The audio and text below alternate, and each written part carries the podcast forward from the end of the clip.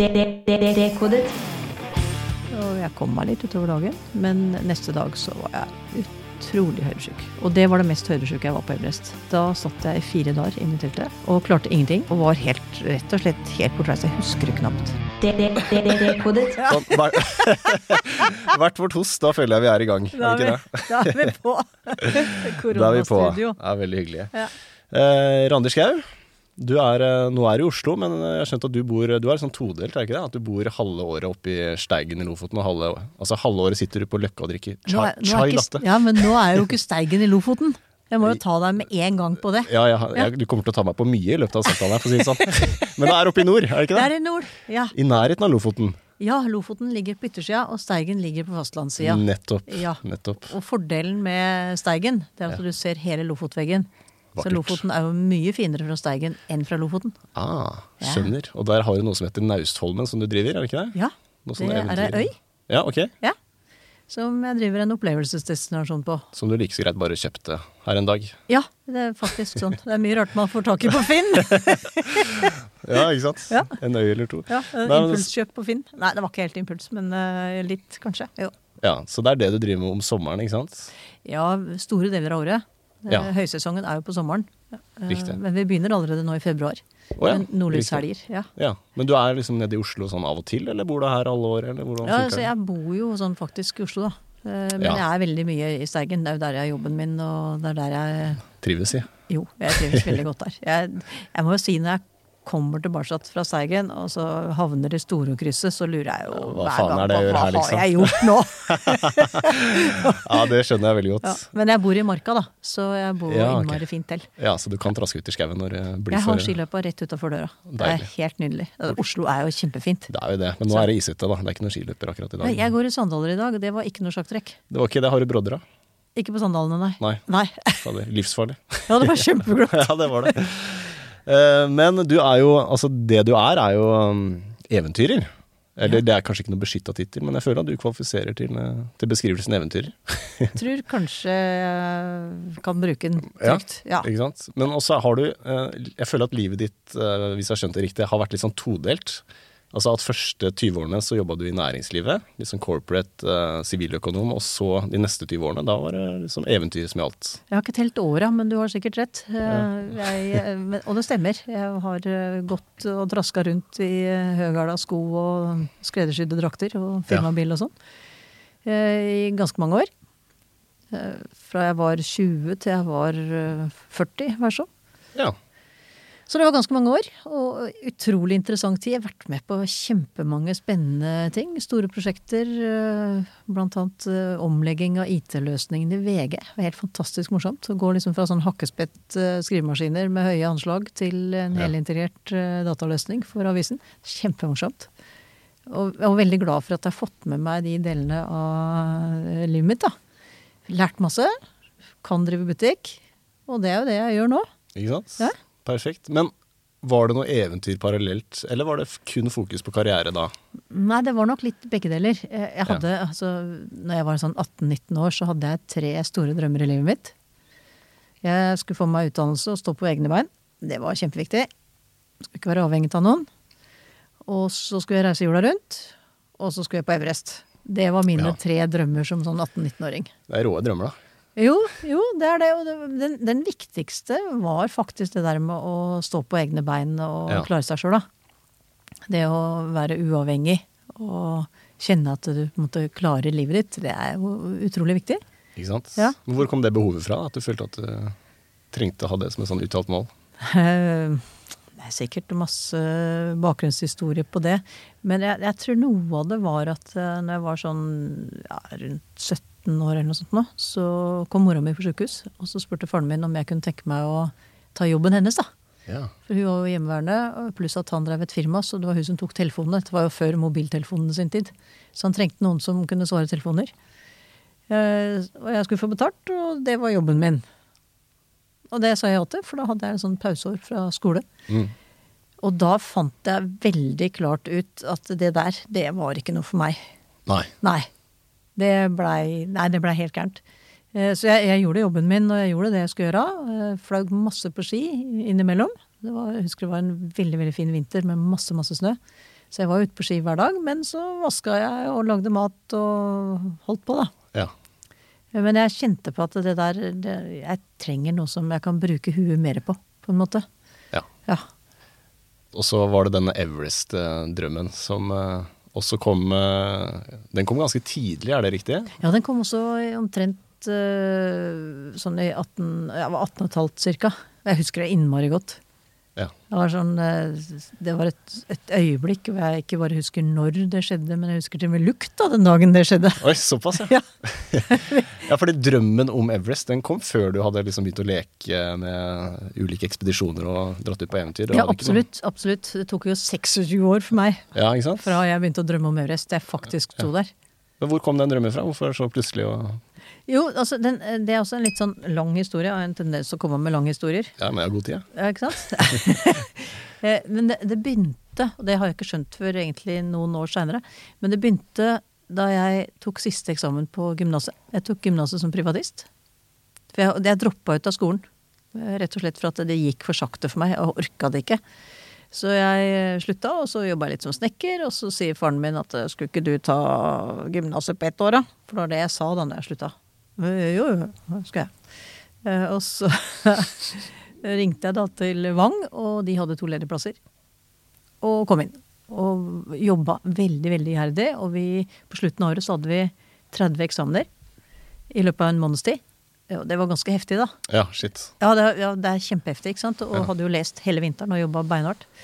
Og den siste eksamen, det var eksamen i fransk. Og det var en av mine yndlingsfag. Jeg hadde virkelig jobba og lagt inn jernet for å bli god i fransk, da. Og Ja. jeg husker jeg satt og leste hver eneste søndag. Vanskelige franske bøker. Og var sånn, jeg Ja, leste til jeg var helt ferdig. Du kunne mer enn Shema Pellerandi. Ja ja, jeg kunne mer enn det. Og, og så fikk jeg fem i fransk. Og var ganske skuffa. Ja. For jeg visste at det var ei jente i klassen som Hun var også veldig flink, da. Eh, Men jeg syns jeg var flinkere enn henne i fransk. Og hun hadde fått sex. Og dette her var ganske ergerlig. Jeg gikk ut av KG, hvor eh, eksamen ble holdt, da. Og ut på gata, og der er det sånne tradisjonelle bygårder, sånn som her, da, sånn hvor hjørnet er brutt. Og i annen etasjen på det hjørnet der, ut av et vindu, så sto det ei bikkje. Og liksom lente seg ut, da. Og så jeg stoppa og prata med den bikkja, kanskje trøsta meg litt med den bikkja. Og mens jeg står der og snakker med bikkja, så kommer læreren min løpende ut, da. Han huska ikke hva het for noe engang. Han bare ropte 'du, du, du, du skal inn igjen, du skal ha sex i fransk'. Så da hadde han argumentert da med sensor og Ah, mente at dette her var feil. Og jeg fikk en ny sjanse og kom inn igjen og ble stilt et par spørsmål og fikk sex i fransk. Ah. Og da burde jeg jo vært overlykkelig. Ikke Jeg sant? burde jo vært så glad. Og det som skjedde, var at jeg satt i bilen min, en rød Saab 96, putrebil, og kjørte opp til Hønefoss, hvor jeg kommer fra. Eller Åsbygda, som ligger rett utenfor Hønefoss. Og kjørte over Solhjøgda og grein. Jøss. Eh, Og jeg ante ikke hvorfor jeg grein den gangen, men jeg har skjønt det etterpå. Fordi jeg hadde jobba så hardt for å nå dette målet, men jeg hadde ikke noe neste mål. Ah, Hva skulle jeg nå? Ja, det Ja. var jo som livet var over. det var tomt. Ja, det var tomt. Jeg var rett under 20 år, og livet var tomt og ferdig. Eh, Og så kom jeg hjem igjen, og på en gård så er det jo sånn at livet går videre, og jobben skal gjøres. Så da neste dag så var det ut på traktor og kjøre i vårrenna, da. Og så hadde vi pause og skulle inn og ete. Og mens vi sto inne på kjøkkenet, så skjer dette med drømmen. For da kom det en nyhetssending. Og vi var seks-sju stykker som sto på kjøkkenet, og ingen tenkte på noen ting som helst, tror annet enn at vi var sultne. Det lukta jord, det lukta diesel, og det lukta kjøttkaker. Og så kommer en nyhetssending som forteller at Reinhold Messner han hadde vært på Everest. Mm. Uten oksygen. Som den første i verden. Verdenssensasjon, ikke sant? Og det som da skjer, det er at fra å være helt stille, så blir det plutselig en kjempediskusjon. Makan til tulling og idiot og sette ut seg sjøl og andre for fare, og at det går an! Og så reiser faren min seg opp. Han var ikke noen veldig stor mann, men han var en sånn fyr som syntes veldig godt.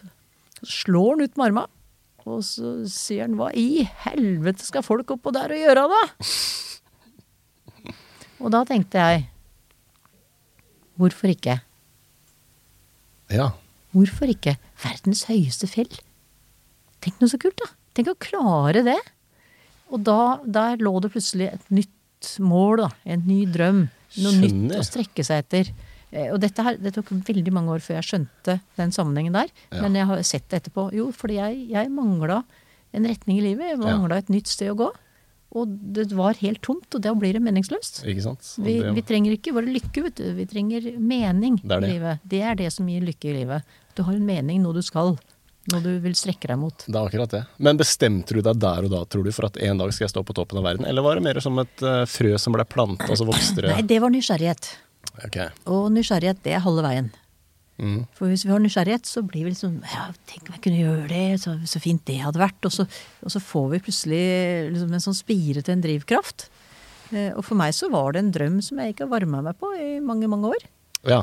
Eh, helt til første gangen jeg liksom hadde en ordentlig kontakt med det, da, da fløy jeg forbi Everest. Jeg hadde vært i Calcutta. Mm. Så fløy jeg forbi Everest på kvelden. Og det var sånn rød-oransje skjær på fjellet, og det var bare så vanvittig vakkert. Og jeg sto bak i flyet og så ut av det bitte vesle vinduet i døra på fly. Og sov litt. Og det eneste jeg hadde lyst til, var bare å hoppe ut av det flyet og komme meg bort til de fjella. Jeg hadde en sånn vanvittig dragning. Shit. Det var, ja, det var så sterkt. Det var utrolig sterkt. Og, og da skjønte jeg at nå er det snart på tide å gjøre noe med dette her. Ja, når var det, da? Eh, Hvor mange år hadde det gått Jeg husker ikke akkurat eh, når det var, men det var vel eh, sånn ca. 90-tallet, tenker jeg. Ok. Eh, og så omtrent eh, i samme periode, 93-94, så reiste jeg jorda rundt. Og da endte jeg opp på et fjell ved en tilfeldighet i Nepal på rundt 6000 meter. Og når jeg sto oppe på det fjellet, så ser jeg over til Everest. Og så tenker jeg at eh, det der, det ser ikke umulig ut. Og det har vært andre folk der før. Ja. Dette kan gå. Hvilket fjell var det du sto på da? Da sto jeg på et fjell som heter Pokalde. Ja. Eh, Ganske ukjent fjell. ja, men allikevel det 6000 meter, da. Så Ja, det var så litt oppunder 6000 meter. Ja. Ja. Det ble framstilt som 6000 meter, han som var fjellguide, Ja. men det var, litt, det var litt lavere. Og det var veldig enkelt fjell. Okay. Men når jeg sto der og så så over, så var det sånn Det der, det nå, Da gikk det fra å være drøm til å være mulighet. Og så Ja. et veldig sånn tydelig tidspunkt. Shit. Og da begynte jeg å trene på å gå på høye fjell. Ja, for da skulle det gå fra mulighet til å faktisk gjennomføres. Ja, ja. Og uh, hvor lang tid tok det, da? Altså, Det tok åtte år. ja, Ja. fra du bestemte deg Fra du var i Nepal og så på det fjellet og bestemte deg, til Eller du det tok faktisk faktisk nesten ti år. Ja. Uh, ja, for det var i 93, og 2004 var jeg på toppen. Men det tok liksom et par år før jeg kom i gang med treninga. Ja, for da var det ikke lenger nysgjerrighet, da skulle du på toppen? Da skulle jeg. ja. Ja, da skulle jeg. Og, da, og det er jo sånn veldig sånn markant endring, da. Ja. I det der fra å være en sånn luftig drøm som jeg kunne varme meg litt på, til Ja. at, at det var en mulighet. Og, og når jeg da så muligheten, så skjønte jeg at det her trenger jeg å lære meg det som skal til. For jeg kunne det ikke, jeg tenkte å forstå. ikke sant? Og det er jo det viktigste, at du forstår hva som egentlig er utfordringa. Ja, ja. Eh, Så da begynte jeg å trene, og jeg hadde, på den jorda rundt-turen min, da, som var i 93 og 94, så traff jeg en eh, nordmann i Rio som heter Truls. Eh, Det sto fem svære karer nede ved foten på Kristusstatuen i Rio når jeg kom dit, og det var første dagen min på jorda rundt-turen. Og han ene han ser ut som en sånn fjellmann. Altså, Jeg kan ikke forklare det på noen annen måte. Så jeg gikk Fjellmann, bort. ja. Ja, fjellmann. Og så gikk jeg bort og spurte er du norsk. Ja, det var han. Så ble vi venner. Og da jeg kom tilbake, da jeg var borte lenge, var borte, var det derfor det tok litt lang tid før jeg kom i gang. Jeg var borte i 14 måneder. Altså når jeg kom tilbake igjen, så kom vi i kontakt igjen. Og så begynte vi å dra på turer sammen og begynte å øve oss på det som skulle til. Så vi var på fjellklatring, og vi var på isklatring, og vi var på snøhulekurs, og vi var på brekurs, og vi gjorde masse eh, aktiviteter sammen, da. For å Ja. lære oss det som skulle til for å dra på høye fjell. Og så begynte vi å dra på høye fjell sammen. Hadde han bestemt seg for å gå Everest da også, eller var det din drøm? Nei, altså han Jeg skjønte at han hadde noen, øh, noen tils... Vi snakka ikke sånn helt konkret om det, for jeg sa egentlig ikke til noen at jeg skulle på Everest. Men jeg, jeg skjønte at han hadde sånn friluftsinteresse, da. Mm. Og så i Så ble han borte litt igjen uh, for meg, og så traff jeg han igjen i 96. Og da traff jeg broren hans ved en tilfeldighet på en restaurant. Så kommer han bort til meg og så sier jeg at nå må du ta en tur innom, for nå kommer Truls hjem fra Afrika. Afrika, se! da hadde jeg akkurat planlagt en fjelltur i Afrika. Så jeg var veldig interessert i å snakke med ham da, og det viste seg at han bodde i Afrika. Og så tok han kontakt, han kom et par dager etterpå.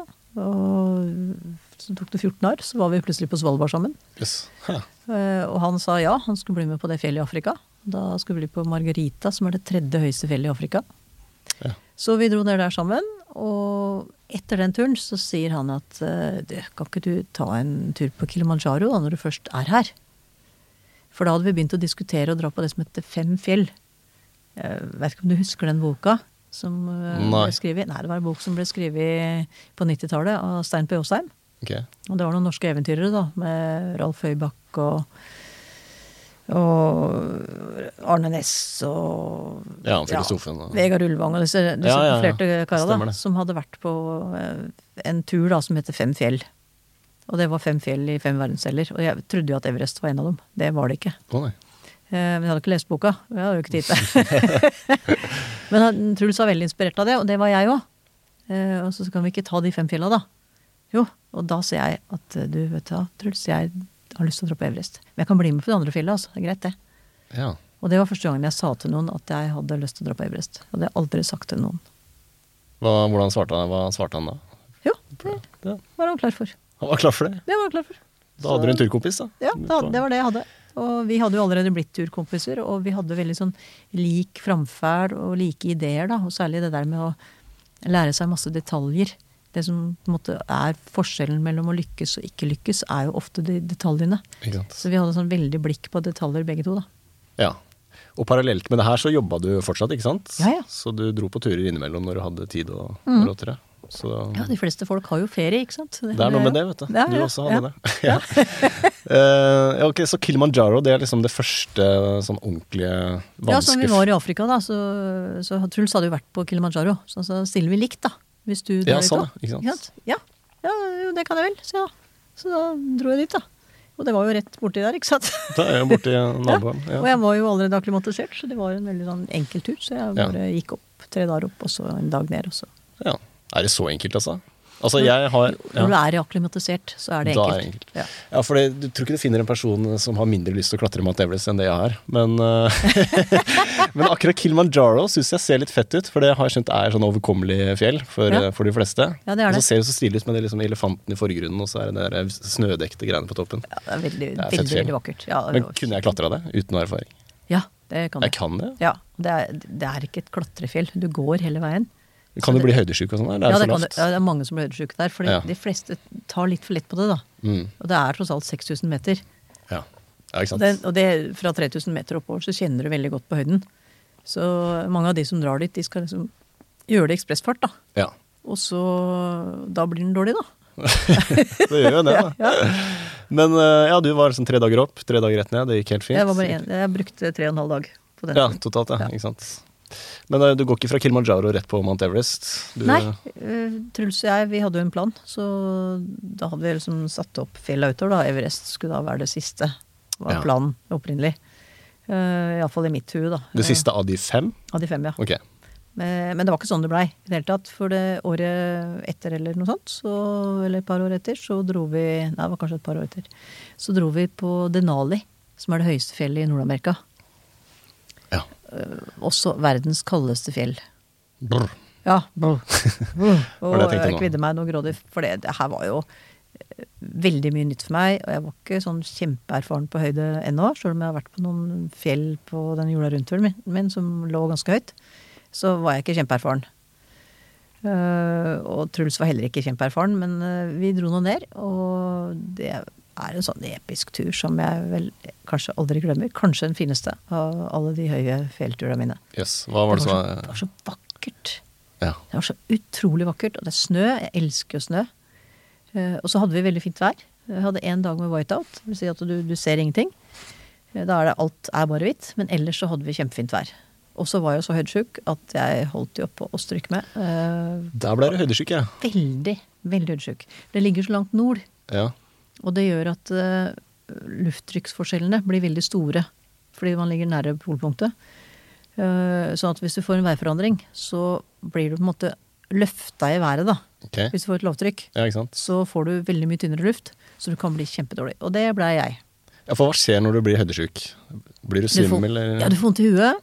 Ja. Eh, Det er liksom det første som skjer, egentlig. Eller kanskje du kan bli litt sånn svimmel og kvalm aller først, men det er ikke alltid jeg iallfall legger merke til det, da. Jeg er ikke så flink til å legge merke til ting. Uh, og så får du vondt i huet, og så kan du jo bli ordentlig kvalm. Og så hvis dette her går videre, så kan du få hjerneødem. Det er dødelig.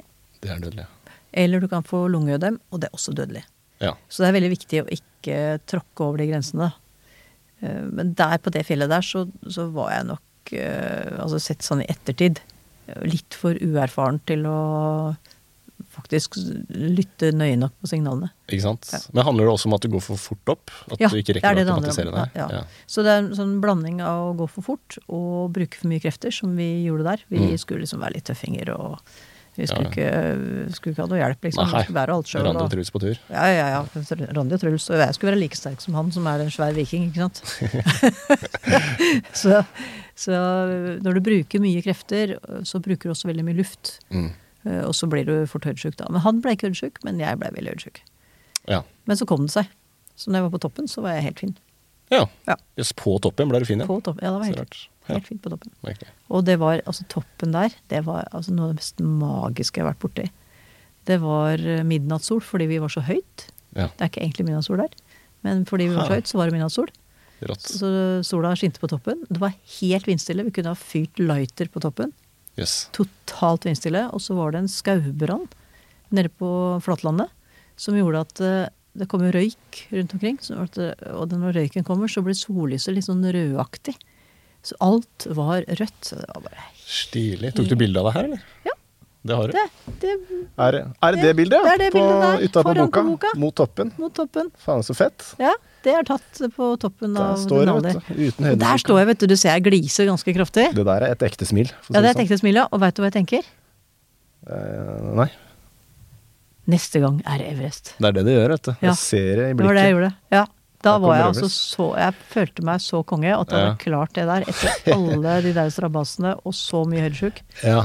Altså, det var da du bestemte deg for at Everest er neste istedenfor til Ja. slutt? Ja. Ja, ok. Du hadde dårlig tid, vet du. Nei, ja, jeg hadde jo egentlig ikke det. Jeg brukte vel uh, mange år brukte jeg? Elleve år eller noe sånt nå på Seven Summits. Ja, totalt, ja. På alle. Så jeg hadde Eh. egentlig ikke dårlig tid. Men jeg, jeg kjente på en måte at nå var jeg klar for Everest, da. Nå var du klar for Everest. Ja, jeg var det. Men var du klar for Everest? Så, sånn fysisk og Du hadde Ikke ikke, mye erfaring, egentlig? Altså, Nei, ikke på det tidspunktet der, men jeg blei det før jeg kom til Everest. Ja. Jeg brukte veldig mye krefter på å forstå utfordringene på Everest. Ja. Og sette meg inn i ting. Så jeg brukte jo masse tid på å lese hva andre hadde gjort. Jeg snakka med så mange jeg kunne få tak i som hadde vært der før. Og prøvde å skjønne, da. Hva er det som er den ekte utfordringa her? Og snakka med tidligere norske, blant annet, da, som hadde vært der oppe. Og fikk veldig mange gode råd. Ja. Og jeg tenker sånn for oss, eh, eller for meg som ikke er klatrer eller eventyrer, så høres jo Mount Everest det er jo liksom det råeste og det sjukeste og det drøyeste. Er det det også i klatremiljøet? For jeg vet at K2 også er ganske sånn heftig fjell, er det ikke det? K2 er enda mer heftig fjell og har mye større sikkerhetsrisiko, da. Ja, Så det er farligere å klatre Det er K2? farligere å klatre, klatre K2. Det Mount Everest er også rimelig farlig, har jeg sett.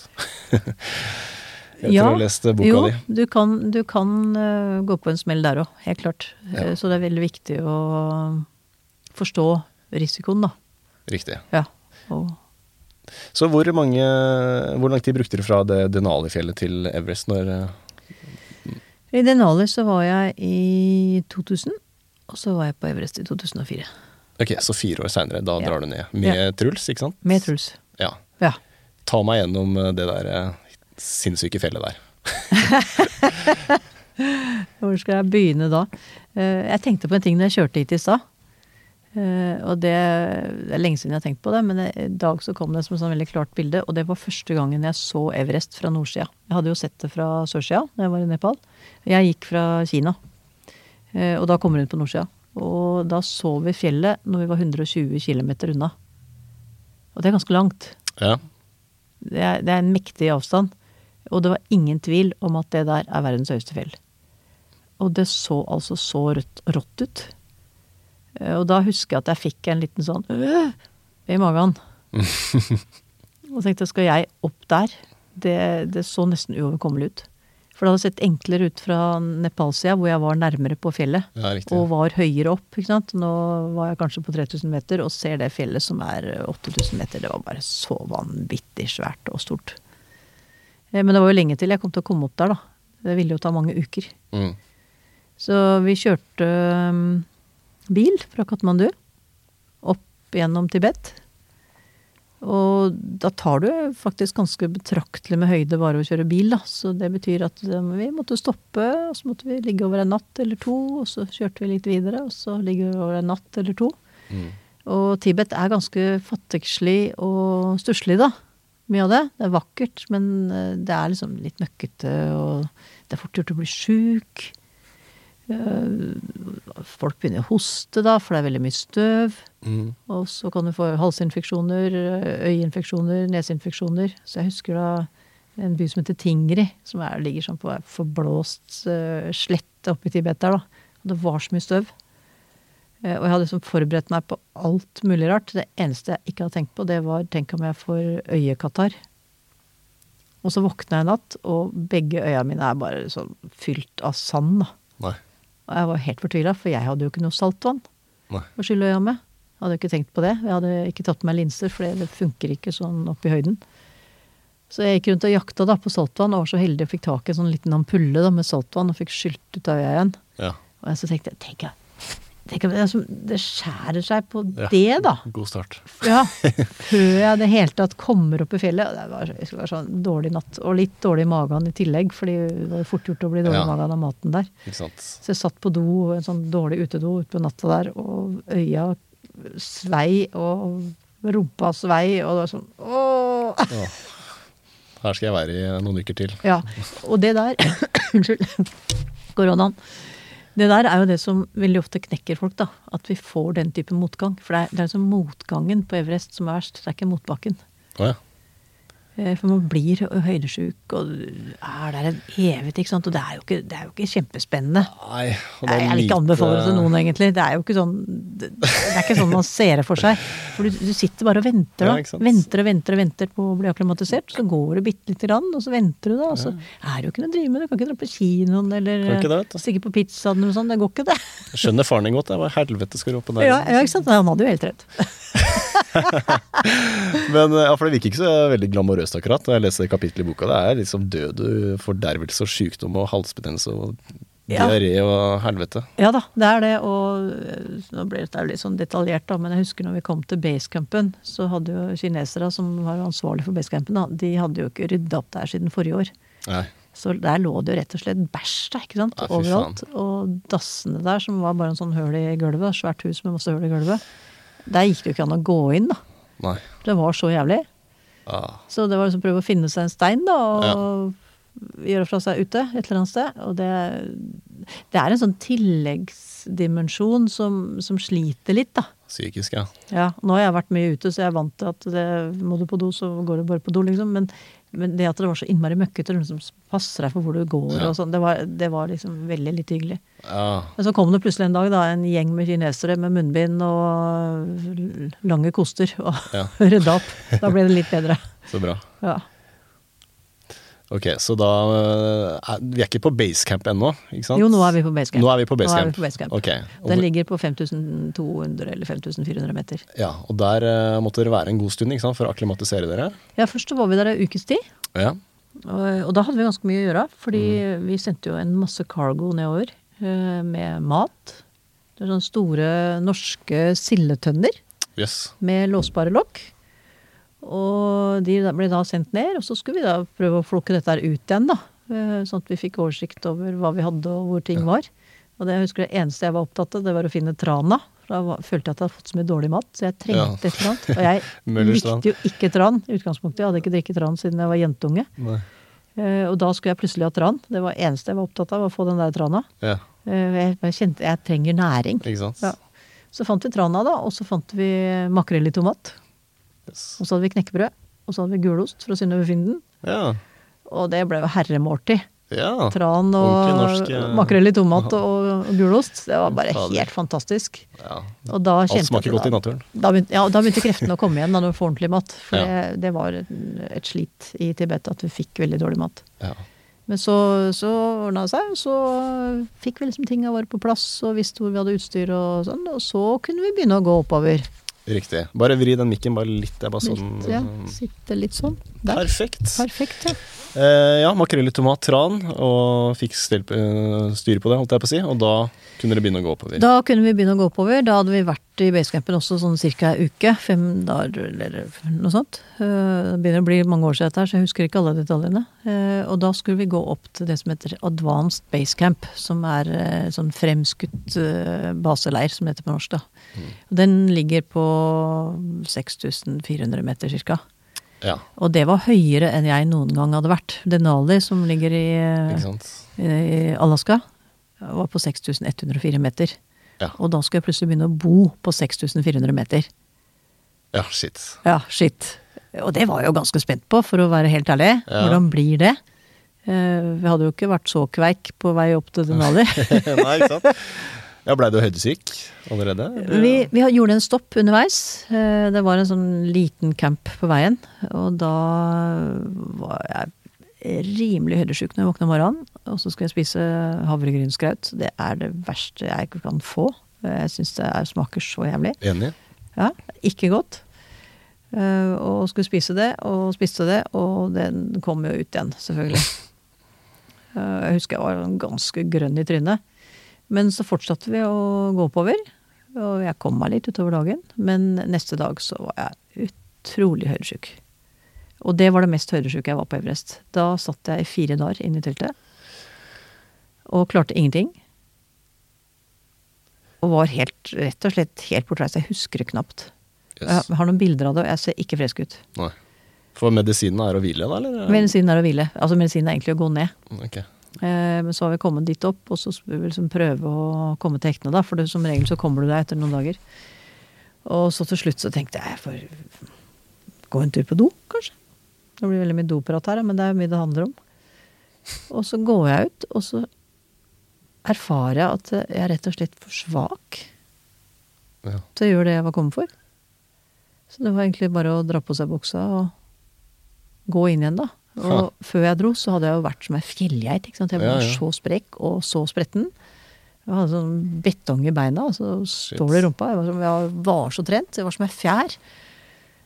Og så var så vidt jeg klarte å gå inn igjen da, fra den doen. Det var sånn 20 meter å gå. Og jeg gikk og vakla på steiner og var sånn Og så skjønner jeg plutselig at det, hvis ikke jeg gjør noe med dette her, så er det ikke toppen av Everest som det er neste, det er Oslo som er det neste.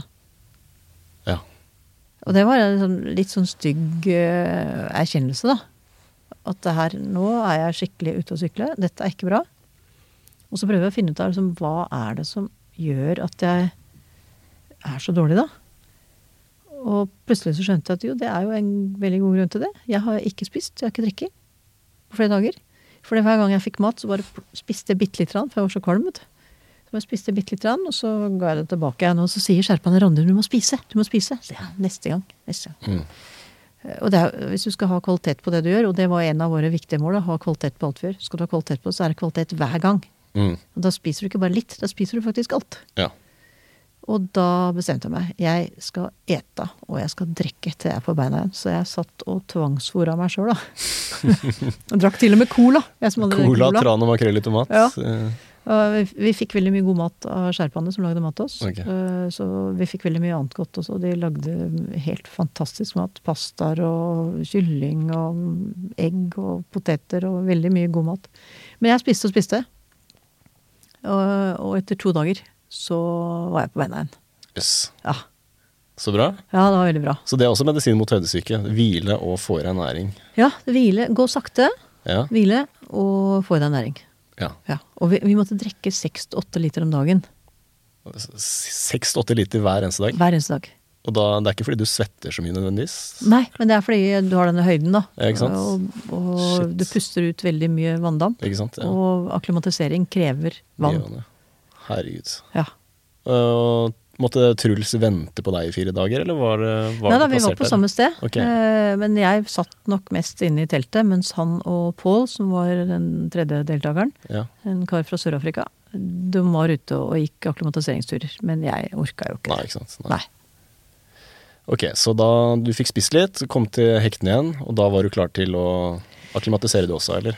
Ja, eh, det var jeg. Og da, eh, den dagen, det husker jeg også veldig godt, fordi mm, er- dagen er liksom sånn at uh, vi fikk servert uh, te, Mm. eller chai, sånn te med melk i, klokka sju om morgenen. Da kom det en sherpa på døra og sier 'good morning, sir', også til meg. Uh, 'Where is your tea?' Så Mm. fikk vi te, og så var det frokost. Og så spiste vi frokost noen timer, og så var vi gjerne ute og gikk litt, og så var det lunsj, og så kanskje vi slappa av litt, og så gikk vi kanskje en liten tur til, og så var det middag, og så la vi oss sånn i sjutida om kvelden. Det var daglig rutine. Yes. Men eh, den dagen her, når jeg kjente at jeg kom meg, da, så gikk jeg for å slappe av litt i teltet. Og så lå jeg og hørte på Nora Jones, som jeg hadde på eh, en sånn båndspiller som jeg hadde da. Og hun synger 'Take Me To A Mountain High'. Akkurat. Og det traff meg jo så veldig, og så begynner jeg å synge, og så plutselig så kjenner jeg at dette her, det kommer jeg til å klare. Og det var ikke noe jeg tenkte, men det var en, var en sånn vanvittig sterk følelse at dette, dette kommer jeg til å klare. Jeg Ja. følte meg så sterk. Eh, og jeg, var, jeg sang, og tårene trilla, og Yes. jeg følte meg så utrolig sterk, da. Var det låta som gjorde det, eller var det liksom Det var nok- alt rundt og alt Det var nok det at jeg hadde kommet til krefter igjen, som Ja. kanskje var det første. Og så låta, den betydde ganske mye. Og jeg satt der og lalla og sang da med, med øreklokker på øra. Og gutta lurte på liksom hva jeg hadde holdt på med, da. Men jeg tenkte jeg tror ikke de klarer å skjønne den følelsen som jeg hadde nå. Mm. Om at dette her er noe jeg kommer til å klare. For det, det går ikke an å formidle det, på en måte. Det er noe som er i meg. Og etter det så var jeg aldri i tvil. Hæ. Stilig. Ja. Det, men det var liksom to dager med fòring og hvile. Så var jeg på. Var jeg på. Og etter det så var jeg, var jeg, var jeg, helt, jeg var helt sikker. Da visste du at du skulle stå på toppen der. Ja, jeg visste det. Men du er, du er på en måte aldri sikker før du har vært der. Men eh, jeg var sikker på at jeg hadde kapasiteten.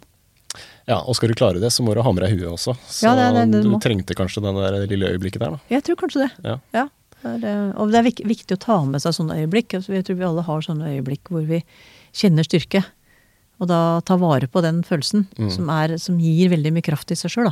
Mm. Det er viktig også i hverdagen. Hvor gikk det videre derfra, da? Det gikk jo oppover, antageligvis. Nei, da gikk det faktisk nedover igjen. Oh, ja. Ja. Er det sånn man gjør det? At man opp og akklimatiserer, og så tilbake til Ja, det er, litt, det er veldig mye opp og ned. Ja. Uh, og etter å ha vært da på 6400 meter en stund, så trengte kroppen hvile. Uh, og i tillegg så kom det et forferdelig dårlig vær. Uh, så det var veldig smart å evakuere ned til den nederste basecampen samtidig. For vi visste ikke helt hvordan det ville gå med campen i det været som kom. Så det passa veldig bra. Så da gikk vi ned til 5400 meter igjen, og det var jo som å puste høyoktan luft.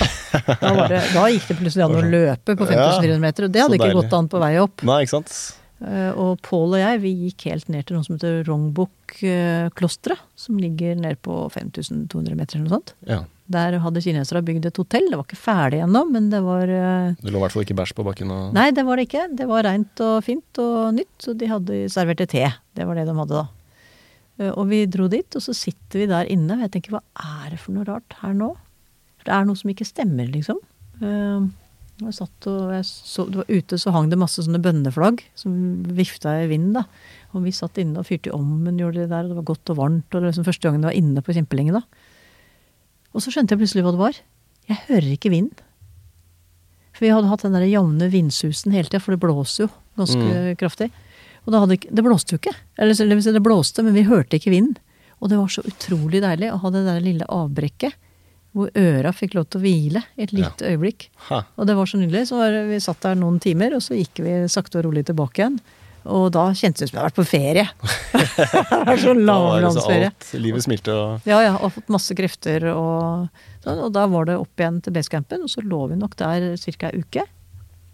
Og kom oss til krefter og spiste og snakka litt med folk. Og det var jo mange andre hyggelige mennesker å treffe Ja, der, da. Så jeg er en utadvendt person, så jeg var jo ute og snakka med litt folk både her og der. Kakla litt. Ja, kakla litt, ja. ja, ja.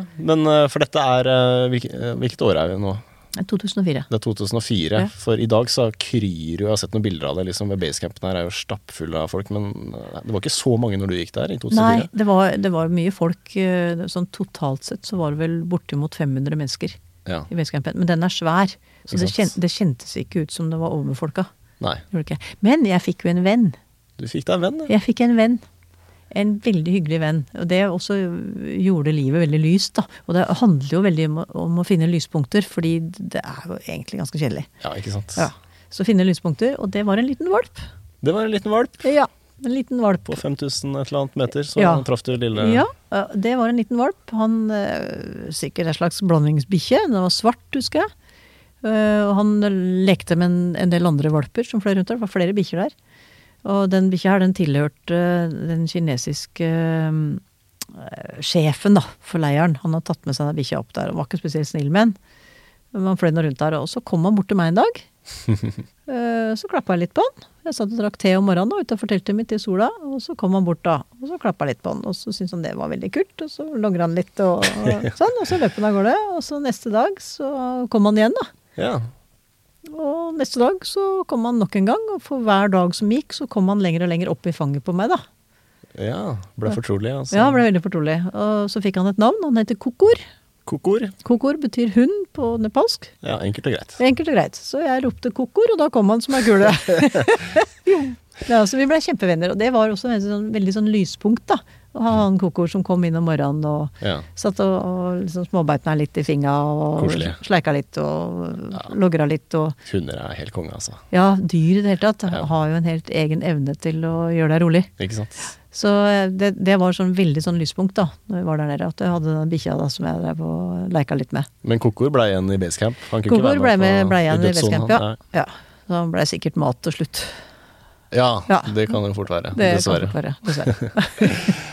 Ja, ok, Så det, har, eh, det var noen uker der i basecamp og opp og ned, akklimatisere seg, produsere røde blodceller så man skulle kunne Ja. frakte oksygenet rundt, ja. Ja, det var det. Og etter å ha vært der nede ei uke, så følte jeg meg veldig, veldig pigg. Ja. Ja, kjempepigg. Og da begynte vi å gå oppover igjen. Og da husker jeg eh, på vei opp, det var ganske langt da. Den første gangen vi gikk opp, så brukte vi to dager. Nå skulle vi bruke én dag. Og gikk sakte, da. Jeg hadde jo da lært av Jon Gangdal at jeg skulle akklimatisere med minst mulig bruk av energi. ja. Så jeg hadde lagd meg noen regler, da. Jeg hadde operasjonalisert, som det heter på fint. Mm. Jeg skulle gå sakte, jeg skulle bære lite, og jeg skulle hvile så mye jeg kunne. Det var mine tre leveregler. ja. Og så går jeg oppover, og så kommer en tibetaner og lurer på om han eh, kan få lov til å bære sekken min. Ja, så lurte jeg på hvor mye han skulle ha for det, da. Han skulle ha ti dollar. Så ja, vær så god. Ta den. Eh, og jeg tenkte jeg skal ikke ha noe, ikke ha noe sånn stolthet til at jeg har fått båret sekken min sjøl. For det, det lå jo nesten ingenting i den sekken, og alt Nei. annet blir jo båret opp i jakkokser. Så liksom ja, trengte ikke å gå rundt med en sånn eh, stolthet på det. Så han fikk lov til å ta sekken, og så var det jo en hyggelig fyr, og så vi ble invitert med på spekeflesk. Det Yes. det var spekel, det var vel fenalår, egentlig. Som de hadde inne i ei steinhytte. Der, eh, Tibetanere de går jo rundt i samme klær hele tida. Ja. Og du aner ikke om de skal være borte én dag eller tre uker. For de ser helt like ut uansett. De har Yes. ikke noe mer med seg selv om de skal borte i tre uker. Eh, Og inni jakka så har de ofte et uh, jakkokselår, da. Et slags fenalår, på en Ja. måte. Tørka kjøtt, sånn som vi spiser. Og så har de masse små steinhytter som Vi klarte jo ikke å se dem engang. Men de bare glei inn i terrenget, og der har de en tekjele som står, og så er det i nærheten av en bekk, og så lagde de te, og vi fikk eh, noe tørt brød og det der fenalåret, da.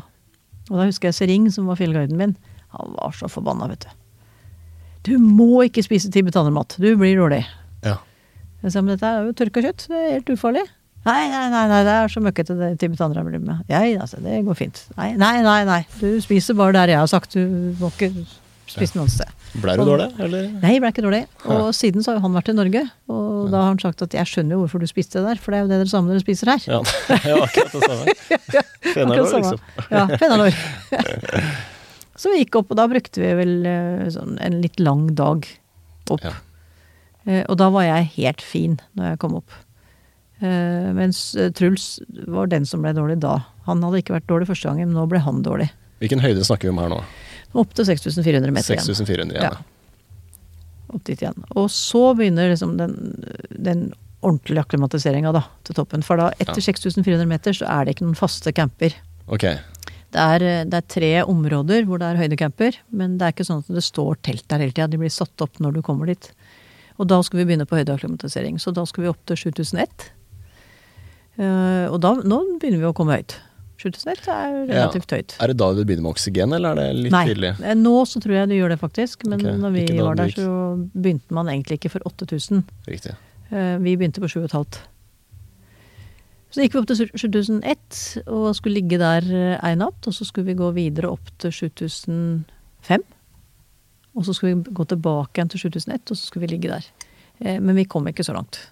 Vi kom bare til 7003 eller noe sånt. Ja. Og da liksom, summen i gruppa var at dette var vi ikke i form til. Nei. Det gikk for sakte. Rett og slett. Så da måtte vi snu, da, og ned igjen. Og så lå vi eh, nede i campen da, og fikk veldig mye dårlig vær. Det var liksom ikke mulig å komme seg videre opp, så vi gjorde et nytt forsøk. Og kom ikke lenger enn til 7003 igjen. Og da kjenner du at det røyner litt på. Ja. Her skulle vi ha kommet videre. Og det, vi skulle ligge en natt på 7009, men det var, jeg hadde ikke sjans. Kom ikke opp dit. Og så ble vi liggende da eh, to uker ekstra, mer enn det vi hadde tenkt. Eh, Og det var sikkert bra, fordi da fikk vi akklimatisert ordentlig til den høyden. Men samtidig, så det som skjer når du bor så høyt, det er at kroppen begynner faktisk å spise seg sjøl. Mm. Så for hver dag som gikk, så så jeg at beina mine ble tynnere. De hadde vært veltrente og sterke, og så plutselig så begynner jeg å få sånn skikkelig tynne stelker. Oi. Bra. Musklene som svinner, ikke sant? Ja, musklene forsvinner. Eh, så egentlig ganske rund ut, men det er bare vann. Ja. Fordi i den høyden så samler du også vann i kroppen, så jeg hadde kanskje ti liter med vann i kroppen. Huh.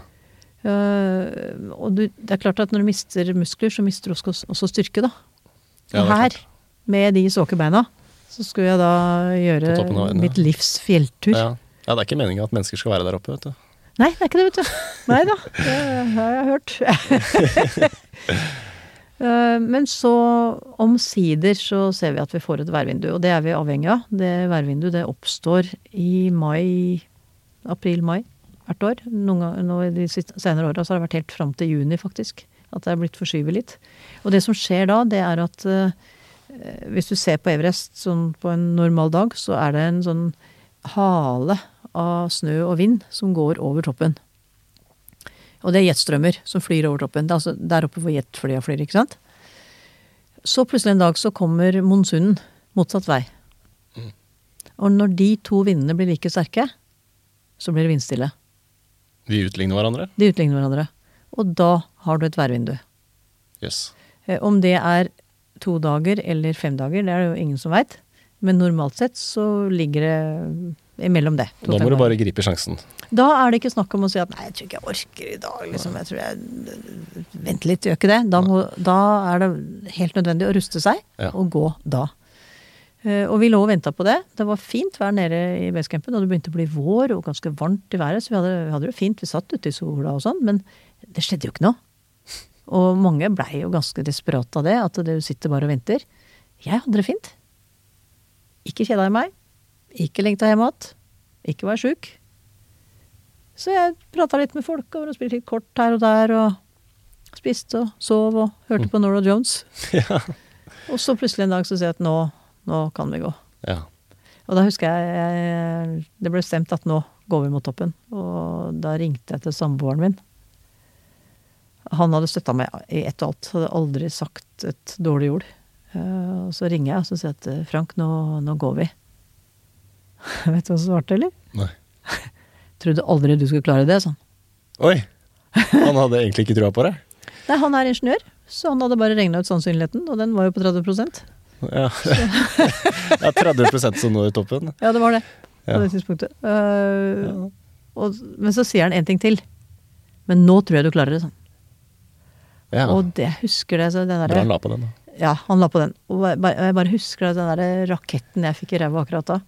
Det var bare så deilig. Ja. Liksom- Du trengte den. Ja, ja den, var, den var fin å ha. Ja. Jeg hadde liksom trua på det, men, men også få den i tillegg, det var Ja. kjempeviktig. Da hadde du Nora Jones, og så hadde du det. Ja, så da hadde det. ja. Så, da hadde jeg litt å gå på. så da begynte vi å gå, og det var en sånn fantastisk dag. Det var så fint vær. Det var som det beste påskeføret du kan tenke deg på fjellet i Norge. Vi gikk barfinga, fugla gikk og sang på en sånn 7000-8000 meter. Det var noen ravner som drev og sang oppi der. Yes. Og det var helt nydelig. Jeg har et bilde derfra som eh, Jeg ser jo at jeg trives, for å si det sånn. Ja, Det egentlig... Selv i den tynne lufta? Ja, Puster du vanlig da, eller er det ja da kjentes det ganske vanlig ut. Ok. Ja, det Ja. går selvfølgelig noe saktere enn ellers, men, men nå gikk det greit opp til 7100 meter. Det var liksom sånn vips, så var vi der. Yes. Der skulle vi være klokka ett, og vi var der kvart på ett. Og liksom alt gikk vår vei, kjennes det ut som, da. Ja, ja. Så jeg spiste, spiste om kvelden så husker jeg satt og spiste torskegryte fra Real Turmat i Tromsø. og det smakte hav og, og det var, sånn, det var bare så godt. Alle hadde sagt at den der påsamaten den smaker papp når du kommer i høyden, men det var bare helt nydelig. Det var bare så godt. Ja. Og så dagen etter så skulle vi da stå opp veldig tidlig. Truls og Pål eh, mente at vi skulle stå opp klokka to og gå klokka tre. Eh, Jeg trodde ikke noe på det, så jeg fikk utsatt det til klokka fire, da. Og de forsov seg begge to. Eh, og jeg var så forbannet, for jeg hadde jo stått da og vært klar og var kald, ikke sant. Mm. Så halv seks, da, så kom tørna de ut av teltet. Og så begynte vi å gå oppover eh, mot eh, 7500 meter. Og der eh, Det er 7009. Der skulle vi gjøre en liten stopp, og så skulle vi gå videre samme dag. Det var jeg imot, eh, for vi hadde egentlig plan om å ligge på 7001, 7009 og 8003. Men eh, de ville at du skulle gå rett opp til 8003, da. Hæ. Eh, Det klarte vi ikke. Vi kom bare til 7009. Ja. Med nød og neppe, på en måte. Eh, og så gikk vi da videre neste dag. Og skulle gå fra 7-9 til toppen. Og dette hadde jeg heller ikke noe tro på. Men jeg tenkte ok, om det heter akklimatiseringstur eller topptur, det spiller ingen rolle. Jeg blir med. Vi har nok oksygen, vi, så det går fint. Så går vi nå oppover. Og så blir Truls eh, borte. Han forsvinner foran. Og så blir Pål borte. Han forsvinner bak. Så jeg går i midten, da. Om natta der. Kølmørket.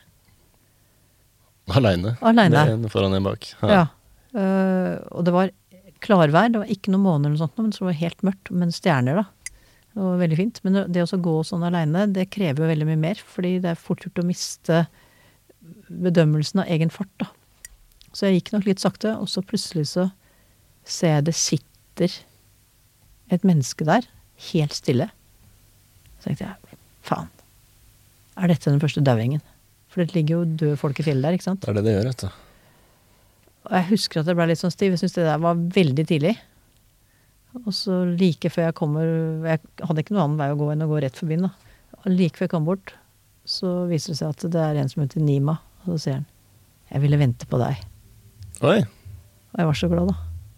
Vi går sammen. Så Var det en guide eller en sherpa? var en guide, ja. Ja. Så vi gikk sammen oppover, da. Og da skjønte jeg hvor sakte jeg faktisk gikk. Ok. Eh, For han sier du må gå fortere. Du må gå fortere. Og så prøvde jeg å speede opp farten, men det var ikke så innmari lett. Og så etter hvert så ser jeg plutselig Truls oppe på 8300 meter. Da er han og en av guidene som han går sammen med, de eh, klarer ikke å finne stien. Så de driver og virrer på oversida av campen, da. Hvor er stien, hvor er stien, hører jeg at Truls roper, da. Og så omsider så når jeg han igjen. Da er vi på 8-5 eller 8-6, tenker jeg. Da har det blitt lyst. Klokka er 11. Og har gått i ganske mange timer, da. Vi starta vel sånn i 11-tida om kvelden, og nå er den 11 på dagen. Eh, Og jeg regner med at det er et par, par timer igjen til toppen. Og så sier Truls at vi må snu. Jeg sier, hvorfor det? Jo, det blåser for mye. Jeg ser, "Men jeg ser folk. Mm. Og det var, toppen er jo like borti der. Ja. Jeg ser folk som går der, de klarer jo det. Det blåser jo ikke her. Nei, men det blåser på toppen, sa han. Ja, mulig det, men vi, vi rekker jo dette her. Nei, vi rekker ikke. Jo, vi rekker det. Eh, bli med nå. Du har kamera, og så går vi. Nei, jeg har lagt igjen kamera, sier Truls. Så hva? Har du lagt igjen kamera? Vi har jo filmavtale. Vi kan ikke gå på toppen uten kamera. For da hadde Sering, som var den andre fjellguiden, han hadde mitt kamera, og han gikk sammen med Pål litt lenger bak. Så jeg var dette snu, da. Gå ned igjen. Så da snudde vi, da, på sånn rundt 8005-8006. Men hvorfor var han så ivrig på å gå ned igjen? Var han høydesyk, eller var uh... Jeg tror det var ganske sånn kombinert. Han hadde vært sjuk i veldig mange uker. Ja. Han uh, fikk en forkjølelse som endte opp med sånn neseveggbetennelse og ble Ja, veldig, ikke veldig dårlig. Ideelt, nei. Nei, ikke ideelt. Uh, Så han, han var sliten og sjuk. Og så skulle han bli pappa, og det tror jeg han tenkte litt over. Ja, ikke sant? Ja. Hadde med seg litt bagasje der, da. Hadde litt bagasje der. Eh, og, det blåste jo, han hadde jo rett i det. Ja. Så, men da gikk vi ned igjen til 8003, og der møter vi Pål og Sering. Og Pål er helt ferdig. Helt gåen. ja. Han hadde en drøm da om å ha verdens høyeste golfutslag. Det var, det hans, det var hans store drøm. ja. Så jeg husker Truls eh, prøvde å oppmuntre han da, til å i fall slå et slag på 8003. Det ville være høyeste i verden så langt, iallfall. ja. Eh, Nei, det skulle han ta neste gang. Og både Truls og jeg skjønte jo at det blir ikke noe neste gang for han. Så han hadde begynnende hjerneødem. Å ja, så det var ikke, han var ikke bare litt sliten? Nei, han var ikke bare litt sliten. Han, eh, var, begynte han å bli farlig? å bli Ja, han- klarte ikke å gå ordentlig og mista grepet, Ah, så han, han slo i stykker den der dundresen sin. Ah, helvete. Så ut som et hønehus inni Ja, såpass, i teltet vårt etterpå. Uh, ja, ok, så da ordentlig høydesyk. Ordentlig begynner Ja, bli- alvorlig høydesyk. Mm. Eh, Men da måtte vi ligge over, da. Og vi hadde tenkt å ligge over på 8003, men eh, i og med at vi hadde da fått en sånn strategi om å gå fra 7-9 til toppen istedenfor 8003, så hadde vi ikke noe telt på 8003. Nei. Så prøvde vi å få lånt et, men det klarte vi heller ikke, så da måtte vi gå ned til 7009 igjen. Og der eh, skjer det noe. Og det som skjer, det er at eh, vi har hatt lekkasje på oksygenflaskene våre. De har ligget og sivet, for når de blir båret opp, så kan ofte den korken som Mm. er på toppen, bli skrudd litt opp. Så de har ligget og sivet litt sånn Ja. over noen uker. Så de var tomme. Så vi hadde Fuck. oksygen bare til én. Dere hadde bare oksygen til én. Ja. Da må du ta et valg. ja. Og vi var tre. Og dere var tre. Ja. Det er det. Men, Med samme drøm. drøm. Men det var bare en som hadde hørt på Nora Jones. ja, det var en som hadde hørt på Nora Jones. Ja, Hvordan løser dere det? Ja, det, det er mange måter å løse på det. Det, det finnes eksempler på at folk har slåss. Det, Ja. Der var ikke vi. Eh, For han Pål var ute av bildet uansett. så Han hadde hjernedøm og måtte Paul ned. Pål var ute av bildet. Men det var Truls som løste det, og han uh, sier at eh, vi har ikke nok, nok oksygen. Uh, Pål, du er høydesjuk, du må ned. Og det aksepterte han der og da. Han gikk tilbake på det etterpå, men han, da skjønte han det akkurat da. Og det er liksom karakteren av hjerneødem, at du Ja. skjønner ikke helt hva som foregår. Og hadde han blitt, så hadde han daua. Eh, Det er stor sjanse for at han kommet i ordentlig trøbbel, iallfall. Ja. Eh, og så sier Truls at jeg har brukt opp all safta i kroppen. Og det skjønner jeg, fordi han hadde vært såpass dårlig over så lang tid og gitt litt gass oppover da, den dagen. Så jeg eh, og Pål går ned, og Randi får med seg to skjerper og går oppover. Og det var jeg veldig glad for. Fordi jeg mente at den strategien som vi hadde lagt opp da, med å legge om rutevalget vårt, sånn at vi gikk fra 7-9 til toppen istedenfor 8-3 til toppen, som vi egentlig skulle ha gjort, det var en feil strategi. Og jeg hadde argumentert mot, men uten å komme igjennom på det. Altså jeg hadde vært villig til å slåss for Mm. at jeg skulle være den som gikk opp, og jeg var også den som var i best form. Ja. Det var litt naturlig at det blei deg, Ja. egentlig. Ja, det var egentlig det. Eh, samtidig edelt gjort av, av Truls, men jeg tror det var en nødvendighet for, eh, for alle parter. Da. Så da blei det sånn. Eh, Så neste morgen så gikk eh, gutta ned, og da, da husker jeg når vi sto på morgenen, så hadde jo Truls øh, Han huska kanskje ikke helt hva som har skjedd kvelden i forveien. og Han har sagt seinere at han ikke husker noe særlig av den natta i teltet. Eh, Pål hadde helt glemt hva som har skjedd. For han var jo da ganske bortreist pga. den hjernedemmen. Eh, Så når jeg skulle gjøre meg klar til å gå om morgenen, da, så sier de at nei, vi, vi venter her til dere er gått. Og så sier jeg nei, dere gjør ikke det. For Sering har sagt at dere skal gå ned først. Og da ljaug jeg. Men det var edelt ment. Eh, Og jeg pleier ikke å ljuge, men jeg bare skjønte at de gutta de må ned. For Mm. hvis de ligger her nå, så plutselig så ligger de her i veldig mange timer. Og da kan begge bli dårlige. Og vi veit ikke hvor lenge vi blir borte. For da vil det ikke være noen skjerper der til å passe på dem heller. Og da hørte de på det. Så da gikk de. Og så gjorde vi oss klare til å gå, og så begynte det å blåse. Eh, Så vi sto ute, og så spør jeg Sering liksom, hvor mye blåser det nå? Ja, 70 km i timen. Og det er ganske friskt. Eh, Så ser vi på hverandre. Kanskje vi skal vente. Og vi så noen andre som prøvde å gå forbi, og de sleit veldig, for det var så dårlig vær. Så vi la oss inn i teltet, og lå der sammen i 24 timer. For å holde varmen, ja. For å holde varmen, og for å passe på hverandre, og sove og hvile. Og hver gang én våkna, så passa han på den andre. Passa på at han fikk mat, passe på at han fikk drikke, og så sov vi litt til. Og så neste dag så gikk vi videre. Og da hadde det klarna litt, da. Så da gikk vi opp til 8003, og var framme der ganske tidlig på dagen. Jeg husker sola skein, og det var godt og varmt inne i teltet, så var det sånn veldig deilig å være der. Og jeg, og, jeg har tatt film av meg sjøl, jeg sitter og flirer og tuller og tøyser og er egentlig veldig, veldig godt humør og har masse krefter, da. Uh, og så skal vi hvile da til elleve om kvelden, og så skal vi gå. Da var det litt sekt å stå opp. det var varmt inni soveposen. Ja. Men jeg visste at det er nå. Det er nå eller aldri. Så jeg husker når jeg starter å gå, da, så sier jeg at eh, det er stjerneklart. Det er kaldt. Det er litt småkvalm, men ellers ok. Så bitte litt kvalm var jeg, men ikke, det var ikke noe stort. Ikke noe vondt i huet. Ingenting. Var det begynnelsen på lett høydesyke, tror du? At man er litt småkvalm, eller? Ja, ja. Det er, det er altså, og, og det er høyden. Altså du blir jo ikke ordentlig akklimatisert til den høyden uansett. Nei, ikke sant. Nei. Så begynner vi å gå. Og så går vi i seks timer, tenker jeg.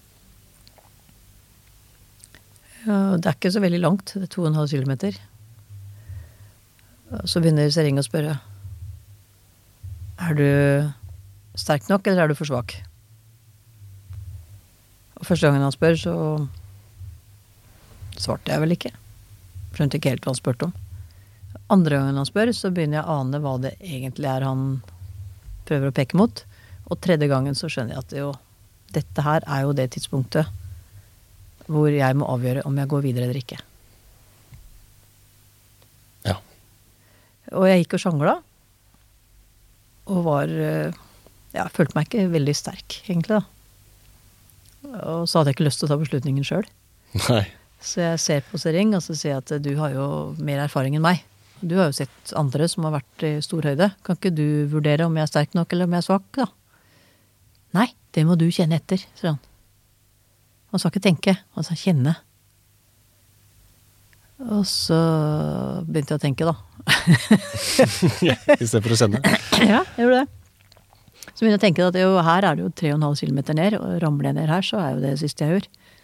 Eh, Og jeg går jo ikke rett, jeg går jo og sjangler. Um, og jeg skal jo hjem igjen. Det er det viktigste. Så jeg ber Sering om å filme, og så ser jeg at eh, nå gir jeg meg. Oi, du ga deg. Eller det Ja. gjorde du ikke, da, men Nei, jeg, der ikke da jeg sier det da på filmen, da. Nå gir jeg meg. Eh, Sikkerheten må få komme først. Og jeg er rett og slett for svak. Så Sering går opp, for det hadde han sagt han skulle gjøre, og det skjønte jeg ikke en døyt av. Og jeg går ned. Og jeg husker at jeg liksom hm, Hvorfor gjør han det? men, men det, huet funker så sakte da, Ja, lufta, så jeg klarte liksom ikke helt å gripe det. Og jeg klarte ikke å diskutere det heller. Så det var det. 8006, 8007. Det er Everest nok for meg. Åh, Det er nære toppen. Ja, veldig nære toppen. Og så vinker jeg. Og så pakker han kameraet vekk.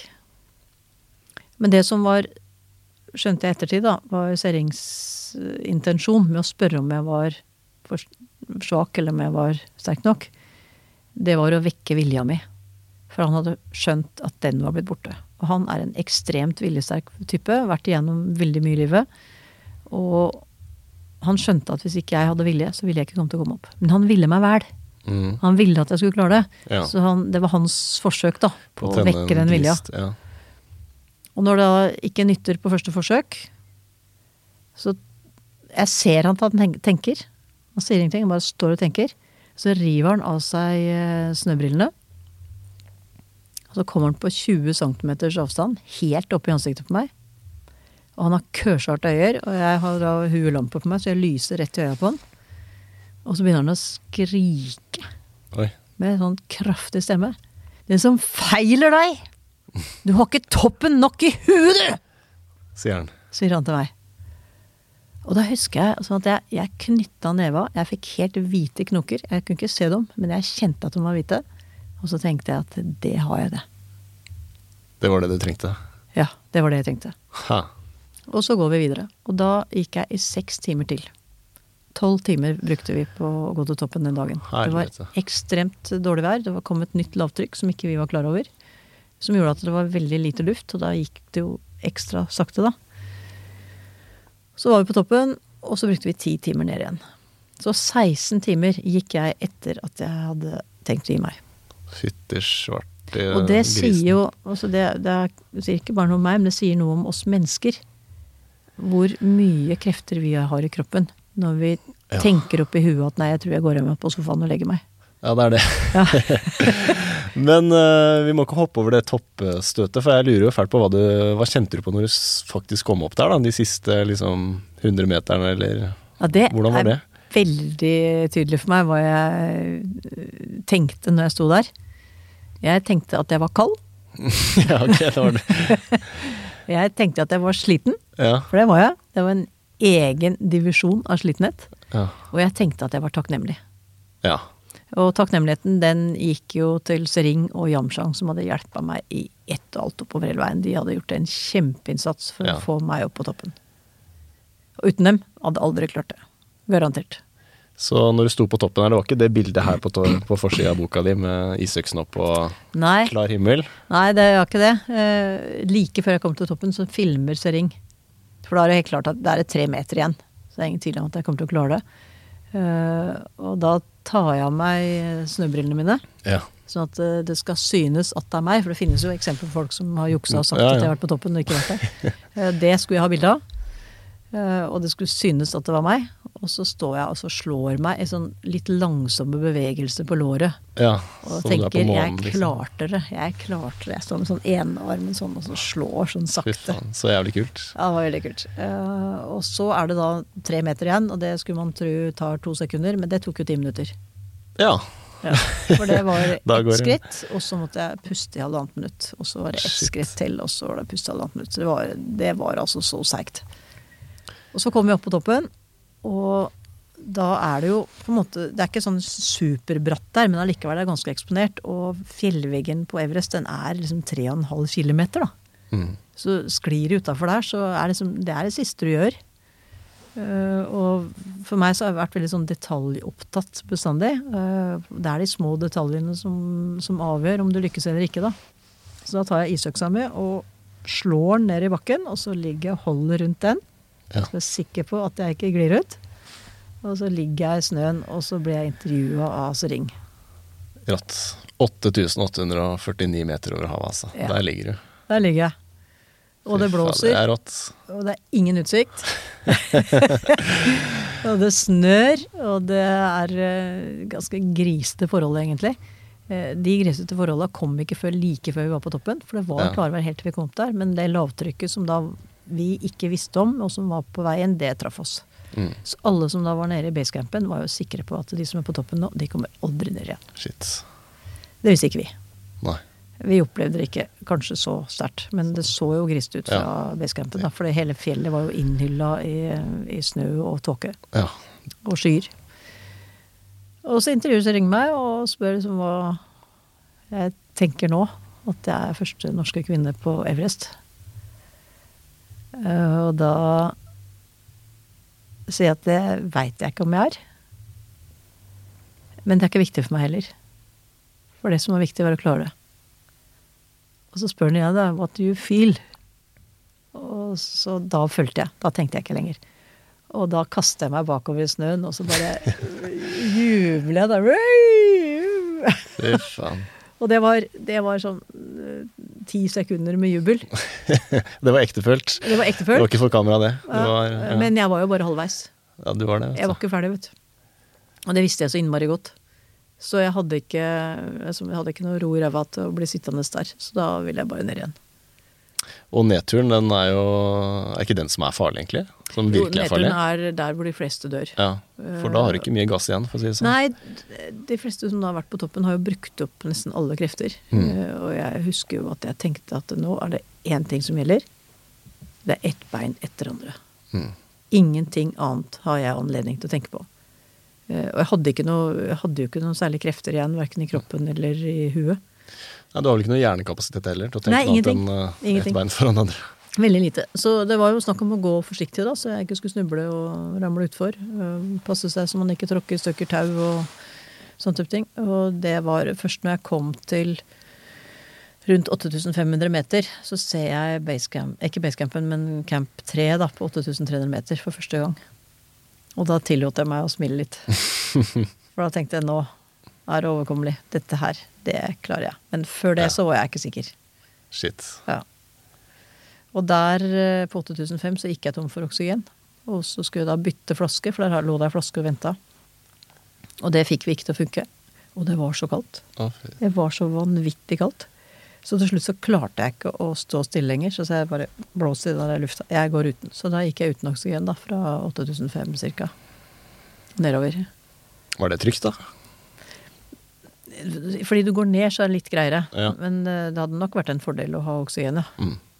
Så vi fikk det ikke til å funke. Og så kom vi fram da til teltet klokka ni om kvelden. Og da er det fortsatt flere folk oppe i fjellet. For det var ikke bare vi som gikk sakte, alle gikk jo sakte.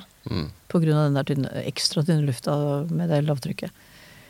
Og så kommer vi ned til teltet, og da har Sering sendt Yamshang i forveien for at han skal koke te.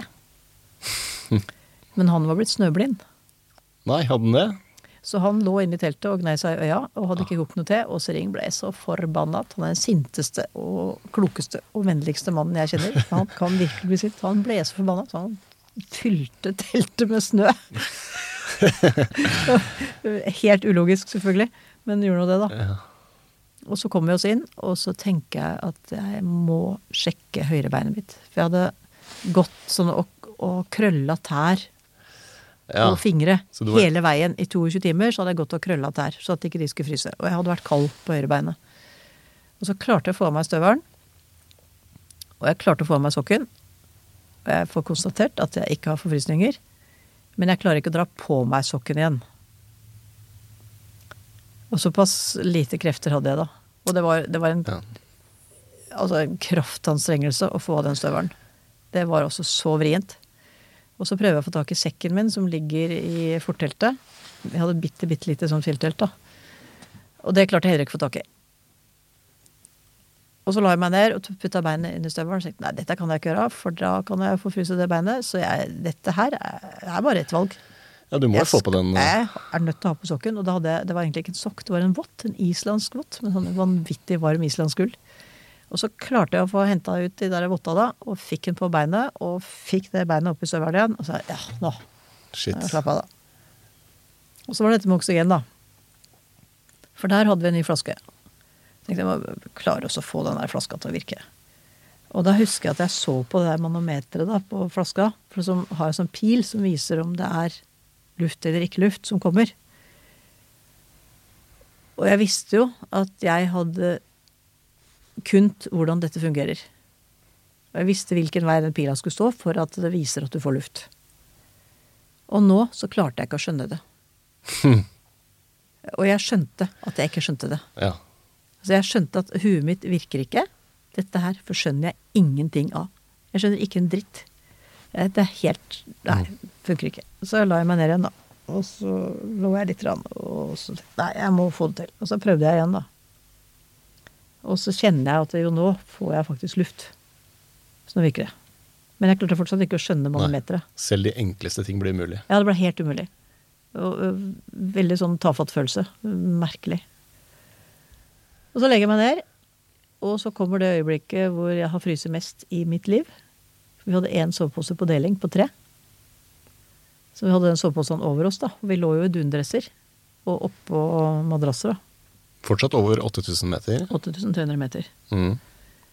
Og jeg ligger ytterst, og Jamsjang stjeler den der soveposen hele tida. Og til slutt så frøys jeg så fælt at jeg lå og hoppa. Og så tenkte jeg dette, dette går ikke an. Vi, vi, får, vi får dele på. Så jeg gjorde en kraftanstrengelse, så bare spratt jeg mellom de gutta. Og så sier jeg at jeg fryser, jeg må varme meg litt. og da sovna jeg. For da fikk jeg varme. Da sovna jeg. Og det neste som skjer, er at øh, jeg merker at det blir kaldt på venstresida mi, da. Der som Seringen ligger. Så våkner jeg, og så ser jeg Sering sitter i teltet. Så spør jeg hva gjør du? I'm making tea. og så sier jeg at jeg, jeg må varme meg på ryggen din. Så da la jeg meg oppå ryggen hans. Ja. mens han kokte te, da. For å få den varmen på den sida av kroppen, for da var den sida av kroppen blitt kjempekald. Shit. Og da når den der teen kom og fikk varme i kroppen, det var bare helt fantastisk. Ja. Det var superdeilig. Ha. Ja, og går det enklere derfra og videre nedover, eller? Er du liksom over det verste nå, eller? er Det, det- det tok uh, nesten to måneder fra jeg gikk fra 8003 og ned til 7100 meter, at jeg kunne huske at jeg hadde gjort det. Ja, ok. Jeg huska det ikke. Det var helt blackout på det. Jeg hadde filma meg sjøl på 7900 meter og så filmopptak, og huska ikke at jeg hadde gjort det. For du var så øh, sliten? at- Var så sliten. Da, når jeg sitter og filmer, da, så sitter jeg og spiser rosiner samtidig, og så mister jeg rosin. Og den der hastigheten jeg hadde da når jeg skulle prøve å finne igjen den der stakkars elendige rosina som jeg mista, så gikk liksom armen sånn Ja. så sakte ned at du kan nesten ikke se at den beveger seg. ja, ok. Vi er Og så der, finner jeg den rosina, og så kommer den sånn sakte tilbake igjen til munnen. Det er, det er så sakte at du tror ikke det er mulig å bevege seg. Eh, og helt utkjørt, selvfølgelig. ja. ja. Herregud. Eh, og det, det kom tilbake, akkurat som du laster ned en film. Jeg sa du kjørte på E18 ja. et par måneder etter at jeg kom hjem igjen. Så minnet minnene var der? De var der? Ja da, de var der. Så hadde Satt og snakka med Sigurd Sollien, som eh, er reporter på, på fjernsyn. Og satt og snakka med han, og så sier jeg Sigurd, nå må du være stille, for nå laster jeg ned en film her. Og da kom hele den hendelsen tilbake. Så det lå i huet, men jeg Ja. huska det ikke. Trengte noen måneder bare på Det gikk et par måneder. Men vi gikk ned til 7001, og da var jeg så sliten at jeg tok ikke sjansen på å gå videre nedover, så jeg ville ligge en natt til før jeg gikk ned. Og der var det ganske mye oksygen, da. Så jeg fikk eh, liksom lassa på med oksygen, og så lå jeg der. Og da kommer Truls på vei opp. Og jeg anbefaler han å ikke gå. Altså uansett hva du gjør og ikke gjør, ta ikke med deg Pål. Sett ned på et trygt sted. Han må ikke gå, fordi eh, med den hjerneødemen hans så han, For han gjorde faktisk et nytt forsøk. Oi! Ja. Men han, han kom ikke lenger enn til 7001, da. Nei. Eh, Og Truls, jeg husker ikke akkurat hvor høyt han kom, men 7005 eller noe sånt. Så da kom de ned igjen da, dagen etter. Så fikk jeg slå følge med en eh, kompis fra Basecamp som hadde vært oppe på toppen uten oksygen. Wilco fra Nederland. Han var, om jeg var blå i trynet, så var han kanskje enda mer blå i trynet. Så jeg spurte om vi kunne gå ned sammen da dagen Ja. etter, og det kunne vi. Så jeg kommer til å gå veldig sakte. Ja, men det gjør jeg også. Ingen fare. Og så gikk vi ned, og så kom vi ned der hvor breen slutter, da. Du kommer over på stein igjen. Og der står Iceman. En tibetaner som hadde vært den som henta is på breen og smelta, sånn at vi hadde vann å drikke og vann å vaske opp med og sånn. Og som hadde vært liksom den mest eh, nydelige fyren på hele basecampen hele tida. Alltid blid og hyggelig og alltid hjelpsom og Mm. ja, gjorde jobben sin 100 Han sto og venta på meg med varm solbærsaft. Å, det var det du trengte Åh, da? herregud, det var godt. Det var bare helt vanvittig. Og så sjangla jeg meg inn i campen, da. Ja. Og da var det noen som sa 'gratulerer med toppen'. Og så sa jeg 'hvordan veit du at jeg har vært på toppen'? Det ser vi. Sorry blikket, ja. Ja, de ser det. De ser det. De ser det fordi at de som har vært på toppen, de er så utslitte. Ja. Ja. Så det er, ikke, det er ikke seiersblikket jeg kom med da. Nei, Det var det sånn var «Å, jeg vil, Jeg overlevde Jeg vil ned og legge, jeg vil Ja. ned og legge meg. Så når du kom inn der og fikk solbærtoddy eller solbærsaft, da hadde du liksom klart det. Da var du nede igjen, eller? Da, da følte jeg på en måte at jeg var nede igjen. Ja. Da var jeg trygg. Da var du trygg. Da var jeg trygg. Eh, og så våkna jeg da neste morgen, og så ser jeg opp på toppen. Og der kommer det en flyvende med en hangglider. en italiener. Og så ser jeg opp på toppen, og så tenker jeg har jeg vært der? Har jeg virkelig vært oppå der? Det var helt ubegripelig. For en uh, sjuk tur. Nå må vi fylle på med litt kaffe for å fordøye Ja, litt kaffe nå. Det er hørt. Ja, shit. Men eh, Ja, altså, du er altså første norske kvinne på toppen av Mount Everest. For dette er, en, det er også en dimensjon her, ikke sant? fordi Cecilie Skog gikk også samtidig som deg. Mm. Eh, og du møtte også henne i fjellet der, ikke sant? Ja, ja.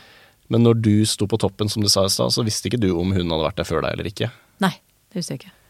Så du når, når ble du klar over at du var første kvinne på toppen av Mount Everest? Eller første norske kvinne? Det husker jeg ikke helt. Jo, det husker jeg nå. Jeg måtte bare tenke meg om. Ja, Ja, Så greit. nå husker jeg det. Jo, for det var uh, når jeg kom ned igjen og gikk ut fra 7009. Det var faktisk det eneste jeg huska, da. Jeg huska akkurat jeg kom ut av 7009. Uh, og da møter jeg en nederlender som heter Kikk. Og han var ofte sammen med Cecilie. Og så sier jeg 'hei, Kikk'. Eh, har du sett Cecilie? Ja, hun går der, sier han.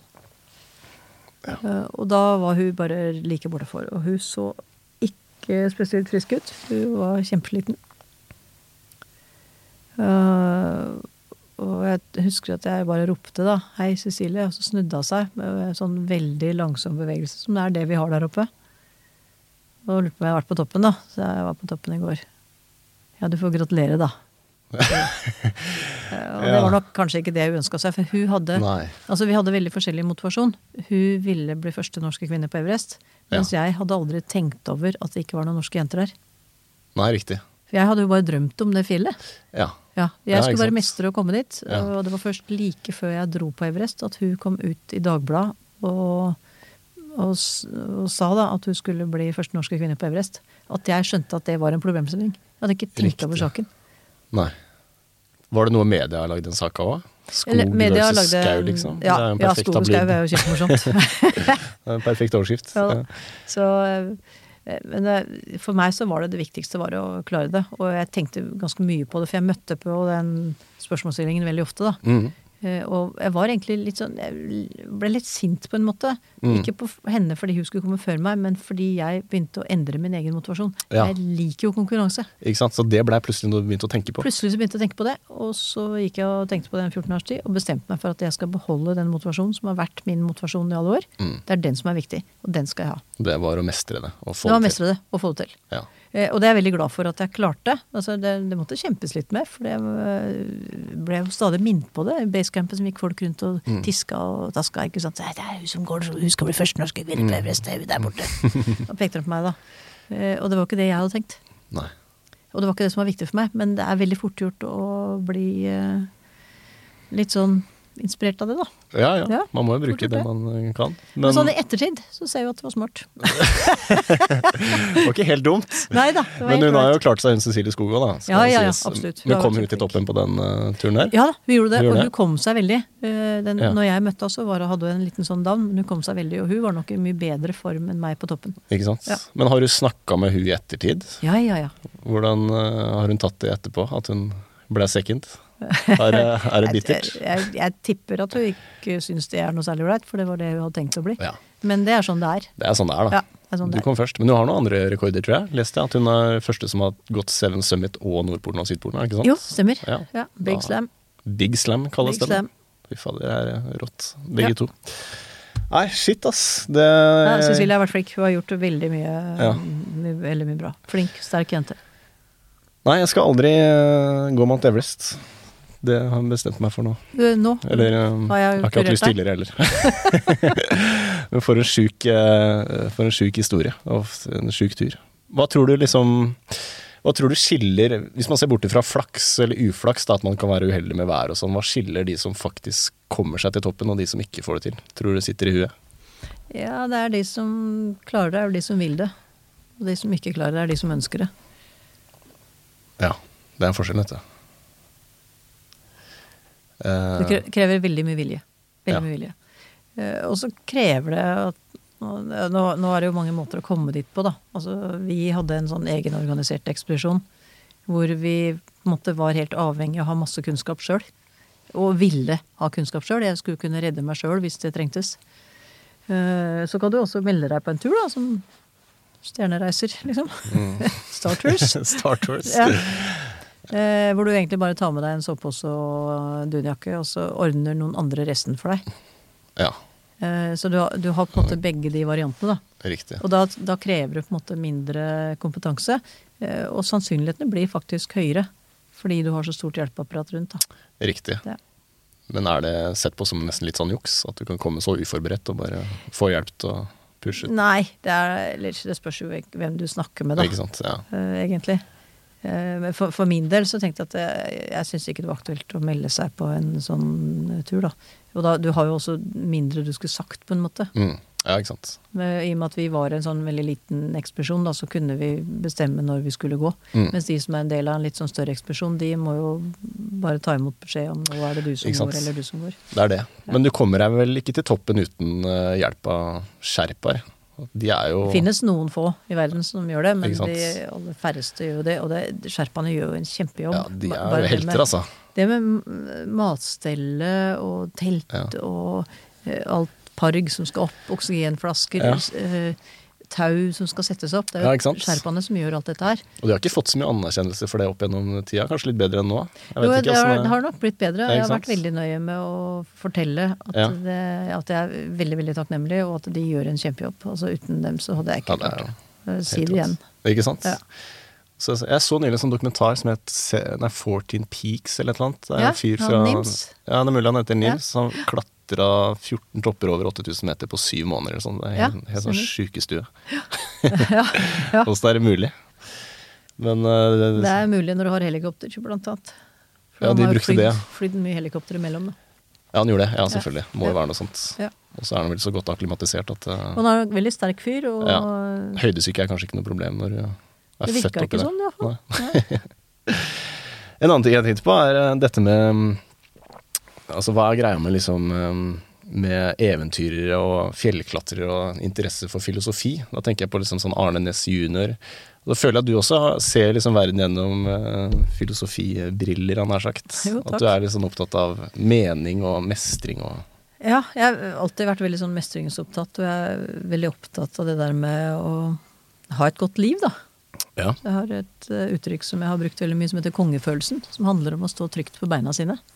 Er det noe du har uh, laga? En filosofi du har Ja, på en måte så er det liksom min mestrings... Uh, Kall det filosofi, da. Uh, ja. Måten jeg opplever på for å ha gode dager. For jeg, jeg tenker at livet er ganske kort. mm, Uh, og det er greit at det er gode dager, da, når den først er her. Det er jo det, da. Ja, Etterpå så er det for seint, liksom. Det er noe med det. Ja. Så, og så har jeg hatt, eh, jeg har hatt ganske god tid da, når jeg har vært på disse turene. At jeg har god tid til å tenke. Jeg husker jeg leste om en av de som har vært mye ute i naturen, da, men også vært i næringslivet, som sa en gang at han hadde aldri lært noe på tur som han kunne bruke i næringslivet. Og da tenkte jeg det var veldig pussig. Det Mm. har jeg lært veldig mye av. Eh, Fordi jeg har tid til å reflektere. Det, Ja. det rekker man jo ikke i et sånn normalliv. I, I mitt sånn corporate liv da, så har jeg aldri hatt tid til å reflektere noe særlig, for du skal jo bare utføre hele tida. Mm. Eh, og det er stadig nye mål og stadig nye ting å strekke seg etter. da, Og du, du rekker på en måte ikke å tenke gjennom sammenhenger og Mm. eh, la ting synke inn. Mens på tur så har jeg hatt tid til det. Og da har jeg- har jeg fått ganske mye sånn aha-opplevelser. Og som har gjort noe med meg som menneske, da. Ja, Og som jeg mener sjøl iallfall, at jeg har blitt et bedre menneske av det. Ikke sant. Så du bruker begge deler. De 20 årene corporate jobbing og 20 år med eventyr, og så møtes de to nå, på en måte. da. Ja, det gjør på en måte. Det er litt sånn hue og bein. Ikke sant? ja. Ja, eh, men litt tilbake til den kongefølelsen. Hva er det? Altså, du sier det handler om å stå støtt på beina. ja. Hva, hva mener du med det? Jo, jeg tenker at det er liksom ingen, det er ingenting som kan velte meg. Og det er når vi, vi føler at vi velter, når vi mister taket, da. Ja. At vi, at vi begynner å slite i livet vårt. At vi liksom ikke har det særlig bra. Fordi vi føler oss utsatt, eller eh, mindre verd, eller Mm. for eh, dårlig sjølfølelse, f.eks. For eksempel. Fordi vi Altså, verdi er jo veldig viktig for oss. Verdi får vi i veldig stor grad av å mestre ting. Og kunne se at det står igjen noe etter oss, da. Noe vi har gjort, noe vi har klart. Og det med, det med kongefølelsen handler veldig om det der, den der følelsen, da. Å stå skikkelig trygt på beina sine og så bare kjenne at det ja, Mm. dette, dette livet her, det klarer jeg. Men hvordan kommer man dit, da? Hvordan får man den kongefølelsen hvis man ikke har den? Det ene er å stå på beina. Rett og slett bare helt fysisk stå på beina sine. Ja. Og jorde seg ordentlig. Trekke pusten og rette seg i ryggen og bare se rett fram. Smilte seg sjøl. ja. Det var faktisk så enkelt. Ja. Det som er litt interessant med, med følelser, det er at de, de setter seg jo i kroppen, på en måte. Eh, Så hvis vi er hvis vi har en dårlig dag, da, så blir vi litt sånn krumme i ryggen og begynner å titte i bakken. og blir litt sånn, altså Kroppen detter litt sammen. Men vi kan også gjøre det motsatt. Vi kan bruke kroppen Tvinge det fram. Ja, altså tvinge det fram. Så Mutter'n pleide alltid å si når vi var unger at rett deg i ryggen. Mm. Hun satt og spiste litt sånn kromt. Altså, sånn, det er rett deg på ryggen. Og hun hadde jo helt rett. Mm. For når du retter deg i ryggen, så får du plutselig mye mer kraft. Du får luft, eh, altså du får plass til å puste. Så du får luft inni kroppen. Mm. Og du, du har mye mer balanse i kroppen da, ved å sitte rett enn å sitte som en dass. det er noe med det. Og så leste jeg et eller annet sted at du starter hver dag med et smil, eller noe sånt. Tvinger du liksom fram et smil i det du står Jeg trenger jo ikke tvinge det fram, men det, Nei, du er en sånn happy lady. jeg våkner ganske ganske fornøyd om morgenen. Men jeg smilte meg sjøl hver morgen. Jeg strekker meg, tar hendene liksom over kroppen, og så strekker jeg meg sånn ordentlig godt, for det er så deilig. Morgengym. Ja, så der, nå strekker du deg òg. Ja, ja. Jeg speiler, vet du. Ja, det er jo så veldig deilig sånn å strekke, og så smiler jeg. Ja. Men det nei, gjør jeg hver eneste morgen. det gjør du. Jeg har aldri smilt før klokka tolv. Jeg er så jævlig morgentrøtt, så akkurat den kommer ikke til å funke på meg. Men øh, fra tolv utover kan du prøve. du kan prøve. Ja, men det det funker, det funker senere på dagen òg. Ja. Jeg blir gladere og gladere jo lenger ut på dagen jeg kommer. Ja, jeg det. Det, var litt sånn artig, fordi for noen år siden så var jeg holdt et foredrag i Kristiansand, og så ble jeg eh, oppringt av NRK i Kristiansand på veien, som lurte på om de kunne ha et intervju. Så jeg kjørte til sida og tok intervjuet, da. Så da skulle jeg holde et foredrag om kongefølelsen. mm, Som et foredrag som jeg holdt i mange, mange år. Og så lurte han på om jeg kunne fortelle om en av teknikkene, for det er ti teknikker da, i det foredraget som jeg snakker om. Og så tenkte jeg ja, jeg kan ta den enkleste. Og smilte seg sjøl om morgenen. Så forklarte jeg litt rundt det, da. Og så går det en ja, størrelsesorden et halvt år, tenker jeg. Så får jeg en mail fra ei dame som hadde hørt eh, intervjuet på NRK. Og hun hadde vært veldig dårlig. Eh, ME eller noe i den duren der. Eh, og verden var helt svart. Og hun var i ferd med å bli uføretrygda. Og alt var egentlig ganske oppløst. Og så hadde jeg tenkt at jeg kan prøve det der, da. Så hadde jeg gjort det. Så hadde det tatt bare et par uker, så hadde jeg begynt å jobbe en time om dagen. yes. Eller om det var en time i uka, det husker jeg ikke, men det var sånn begynt så vidt det var, da. Ja. Og etter to måneder så var hun tilbake igjen i 50 eller 60% stilling eller sånn, og nå var hun i ferd med å gå inn i full jobb. Yes. Så det er fordi jeg smilte meg sjøl om morgenen. Det var det Og det var sånn, da, da, da jeg, jeg fikk hjertebank og litt eh, gåsehud. Ja. For det var Stilig. Jeg vil jo gjerne inspirere andre Ja. også. Ikke bare gjøre livet bra for meg, men inspirere andre Ja. til å ha et bra liv. Jeg syns det er veldig stor verdi å hjelpe andre, da. Ja, ja. Stilig. Eh, og da blei jeg veldig, veldig glad. Og jeg har fått mange sånne type tilbakemeldinger eh, på det med kongefølelsen. At det er, Ja. liksom, det er veldig enkelt, da. Der har du skrevet en bok også, hvis eh, folk Ja. er nysgjerrig på det. Så Ja. kan de lese den. Ja, da, hvis du får tak i den. Den er utsolgt. Den er utsolgt, ja, men det fins jo biblioteker det Det biblioteker i dette landet. Ja, den heter Kongefølelsen. Kongefølelsen. Ja. Eh, hva er neste for deg nå? Du har liksom vært på toppen av verden, og du har klatra Seven Summits, og hva liksom What's next? Ja. Men det, det, det, det som ligger akkurat nærmest nå, det er å bli ferdig med kjelleren min. Ja, ikke sant? Ja, jeg eh, fikk en vannlekkasje i kjelleren uh, Ja. i august. Kan jo føles som å klatre på en fjelltopp, det er sikkert. Og Ja, det, Bli ferdig med sånne ting. Alt var jo gått gærent der, da. Så jeg måtte rive vegger og tak og alt. Og da tenkte jeg når jeg først skal gjøre så mye, så tar jeg og pigger opp gulvet også, for det var- der var det gamle varmekabler. og da har du det gående. Da har det gående. Så jeg har båret ut et eller annet sted mellom åtte og ti tonn sammen med noen gode venner som har hjulpet meg. Eh, og nå driver vi og bygger opp igjen, så nå, det er like før det blir klart. Og det også er en sånn veldig mestring, da. Jeg gjør veldig mye sjøl. Ja. Jeg syns det er moro å gjøre ting sjøl. Så øh, på lørdagen så sto jeg og panelte liksom det siste, da, så jeg bare noen små biter igjen å panele. Og det blir så fint. Og det er så artig å gjøre ting sjøl. Det er det. Ja. Gjennomføringsevne, det føler jeg du har. Ja, ja og relativt brukbar gjennomføringsevne. Brukbart der. Så, så det er det, det mest nærliggende, er å få det der ferdig, og det gleder jeg meg til. Og da rekker jeg vel antageligvis én dusj før jeg reiser nordover. Opp til øya mi. Håper jeg da, at jeg får en dusj. Uh, I det nye badet. Det blir veldig fint. Og så reiser jeg nordover igjen, og så begynner en ny sesong på Naustholmen. Ja, Som ikke ligger i Lofoten, bare så det er ja. Det ligger ikke i Lofoten, det ligger i Steigen. Og Steigen er Norges vakreste. Det er så fint. Det er det der, vet du. Ja, turkis vann og høye fjell og Wow. fisk og ørn og det er. Og to katter, leste jeg. Og to katter. ja. Gråmann og skjønning. Jeg er hundemenneske, men jeg ser for meg at de er kule, de altså. De er veldig kule. Så Veldig hvis kule. eh, folk vil ha en drømmeferie, så googler de bare Naustholmen, og så Ja, dukker opp et bilde av deg. Og Og det er det ganske mange som har gjort. Det er Ja. blitt eh, kjempepopulært. Så, så nå Jeg driver og utvikler øya. Så Mm. I fjor så bygde jeg naust. Uh, Naustholmen hadde ikke naust. Det går jo ikke an. Det er ikke, det Nei, er ikke greit. Det Nei. er ikke greit. Vi hadde et naust der, eller det- de hadde et naust der i gamle dager, og det var blitt uh, tatt ned. Mm. Borte.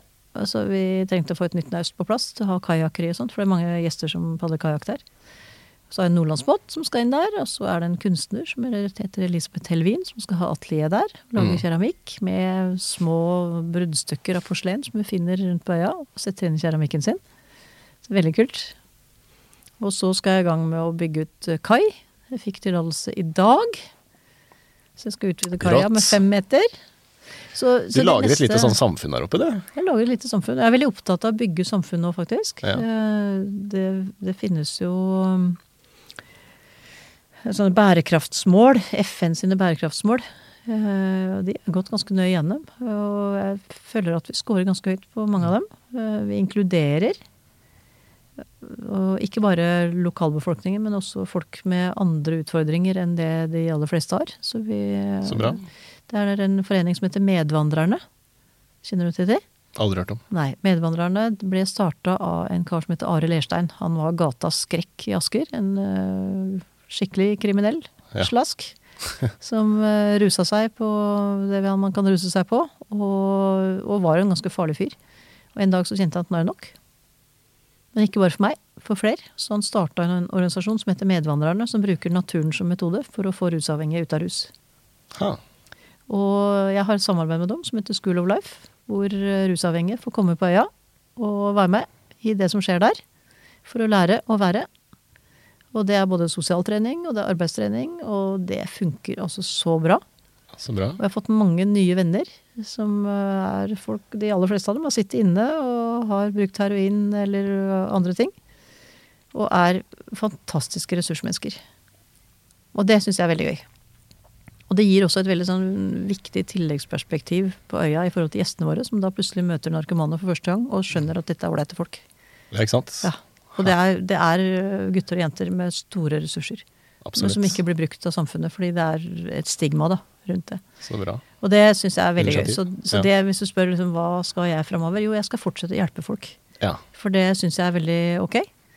Og så syns jeg det er viktig å være til stede for lokalsamfunnet, for det er jo de som egentlig bor der. Jeg Mm. er jo på en måte på besøk en Ja. liten del av livet. Eh, og bidra til at butikken går, bidra til at hurtigbåten går. Hjelpe til når vi trenger noe på, på Det er jo et lite lokalsamfunn med 62 mennesker. Det er ikke flere, nei. Nei, så det er jo grenser for hvor mye ressurser Ja. som finnes der, da. Så Det- det å være litt til stede for lokalsamfunnet, og ikke bare gjøre gjestene fornøyde, men også skape et eh, klima for å være sammen. Og det har vi fått til. Så vi har utrolig mange folk som kommer og hjelper til på dugnad. Det er helt rørende, faktisk. Nordlendinger, vet du, de er bra folk, vet du. Ja, de er det. Men det fins folk som er bra andre steder òg. Det naustet som jeg bygde, kommer fra Stavanger. Og vet du hva? Sagbruket som leverte det, det heter Riska sagbruk, de sa at dette her, det setter vi opp på dugnad. Gjør det? Ja. Fy fader. Det er så, Jeg trodde, tenk, ja. trodde han kødda. Eh, Men det gjorde faktisk det. Ja, det er kjempehyggelig. Altså, det, er, det er rørende. Det er utrolig Ja. mange som hjelper til. Folk vil at den skal være der. Folk vil at det skal lykkes. Og det er en veldig, veldig god følelse. Ja, Så det er på en måte din nye 8000 meter topp, da. Å hjelpe lokalsamfunnet der oppe og skape ja. meningsfulle Ja, og jeg, Dager. jeg føler på en måte jeg har alt jeg trenger. Eh, Mm. Så jeg trenger ikke å kraftsystere meg noe mer. Eh, Det fins ikke lommer i likskjorta. Jeg begynner å bli gammel. Ja ja, livet er kort, men du kaster jo ikke akkurat bort dagene, virker det som. da. Så Nei, du jeg får gjør ikke, det på noen måte. Eh, Men jeg har- syns livet har veldig mye å by på, og jeg Mm. syns det er utrolig kult å, å bidra til at andre også har det bra, da. Jeg syns Ja. det er en veldig fin ting. Så jeg har et hjelpeprosjekt i Nepal. Et utdanningsprosjekt som er for båtfolket, som Sering, som jeg nå har snakka en del om, eh, er en del av. Det er en minoritet i Nepal, så jeg har et utdanningsprosjekt der. Og vi selger bl.a. armbånd, sånn som jeg har på meg her. Det kan selvfølgelig ikke de som hører se, men de er veldig fargerike, fine armbånd. Ikke sant? Se Ja. der, ja. Og de lages av kvinner i Nepal, ja. og så får de 80 kroner stykket. Da har de arbeid. Og så selger vi dem for 2,75, og resten går til utdanning. Så vi har utdanna Ja. en lege, vi har fem Ha. unger som går på kostskole, og vi betaler lønna til en datalærer. Og de selger dere opp på Naustholmen, eller Ja. på internett? Ja, jeg tror 90% av gjestene våre kjøper sånn armbånd. Ja, ikke sant. Ha. Det er veldig kult. Så det er litt faddere det er Ganske mange som gjerne vil stille opp der, da. Så det, Ja. det er bedrifter som eh, sender penger til oss istedenfor å kjøpe julegaver, og det er folk som er faddere og Rått. Ja, noen er faddere over lengre tid, og noen kommer med et beløp en gang iblant. Det er folk som har bursdagen sin som sier at nei, jeg trenger ikke noe mer. Vi, jeg samler inn penger, og så får dere det. Det er veldig kult. Det er utrolig mange snille mennesker i verden. Det er det, vet du. Vi må Faktisk ikke er glemme det. verden er full av gjeve folk. Verden er full av full av, Plutselig fikk jeg en dialekt. Ja, full. full av gjeve folk. Ja. Men tror du mennesket er grunnleggende gode? Ja, jeg Eller- tror det. Ja, du tror det? Ja, det er min Bare leiter det fram iblant? De aller fleste er fine folk. Det er det, vet du. Ja. Innerst inne. Innerst inne. Så er det noen som har litt problemer med et eller annet, som kommer ut uh, Mm. som litt sånn odd og atferd innimellom, men de aller fleste er veldig fine folk. Et par uker på Nesholmen, så blir de fleste Da blir de- da blir de bra. Lett å hanske med. Ja, ja, veldig. Nei, Randi, dette var veldig moro. Veldig inspirerende å høre historien din, så takk for det. Ja, takk skal du ha. Takk for at jeg fikk komme. Denne podkasten er produsert av Tid og lyst.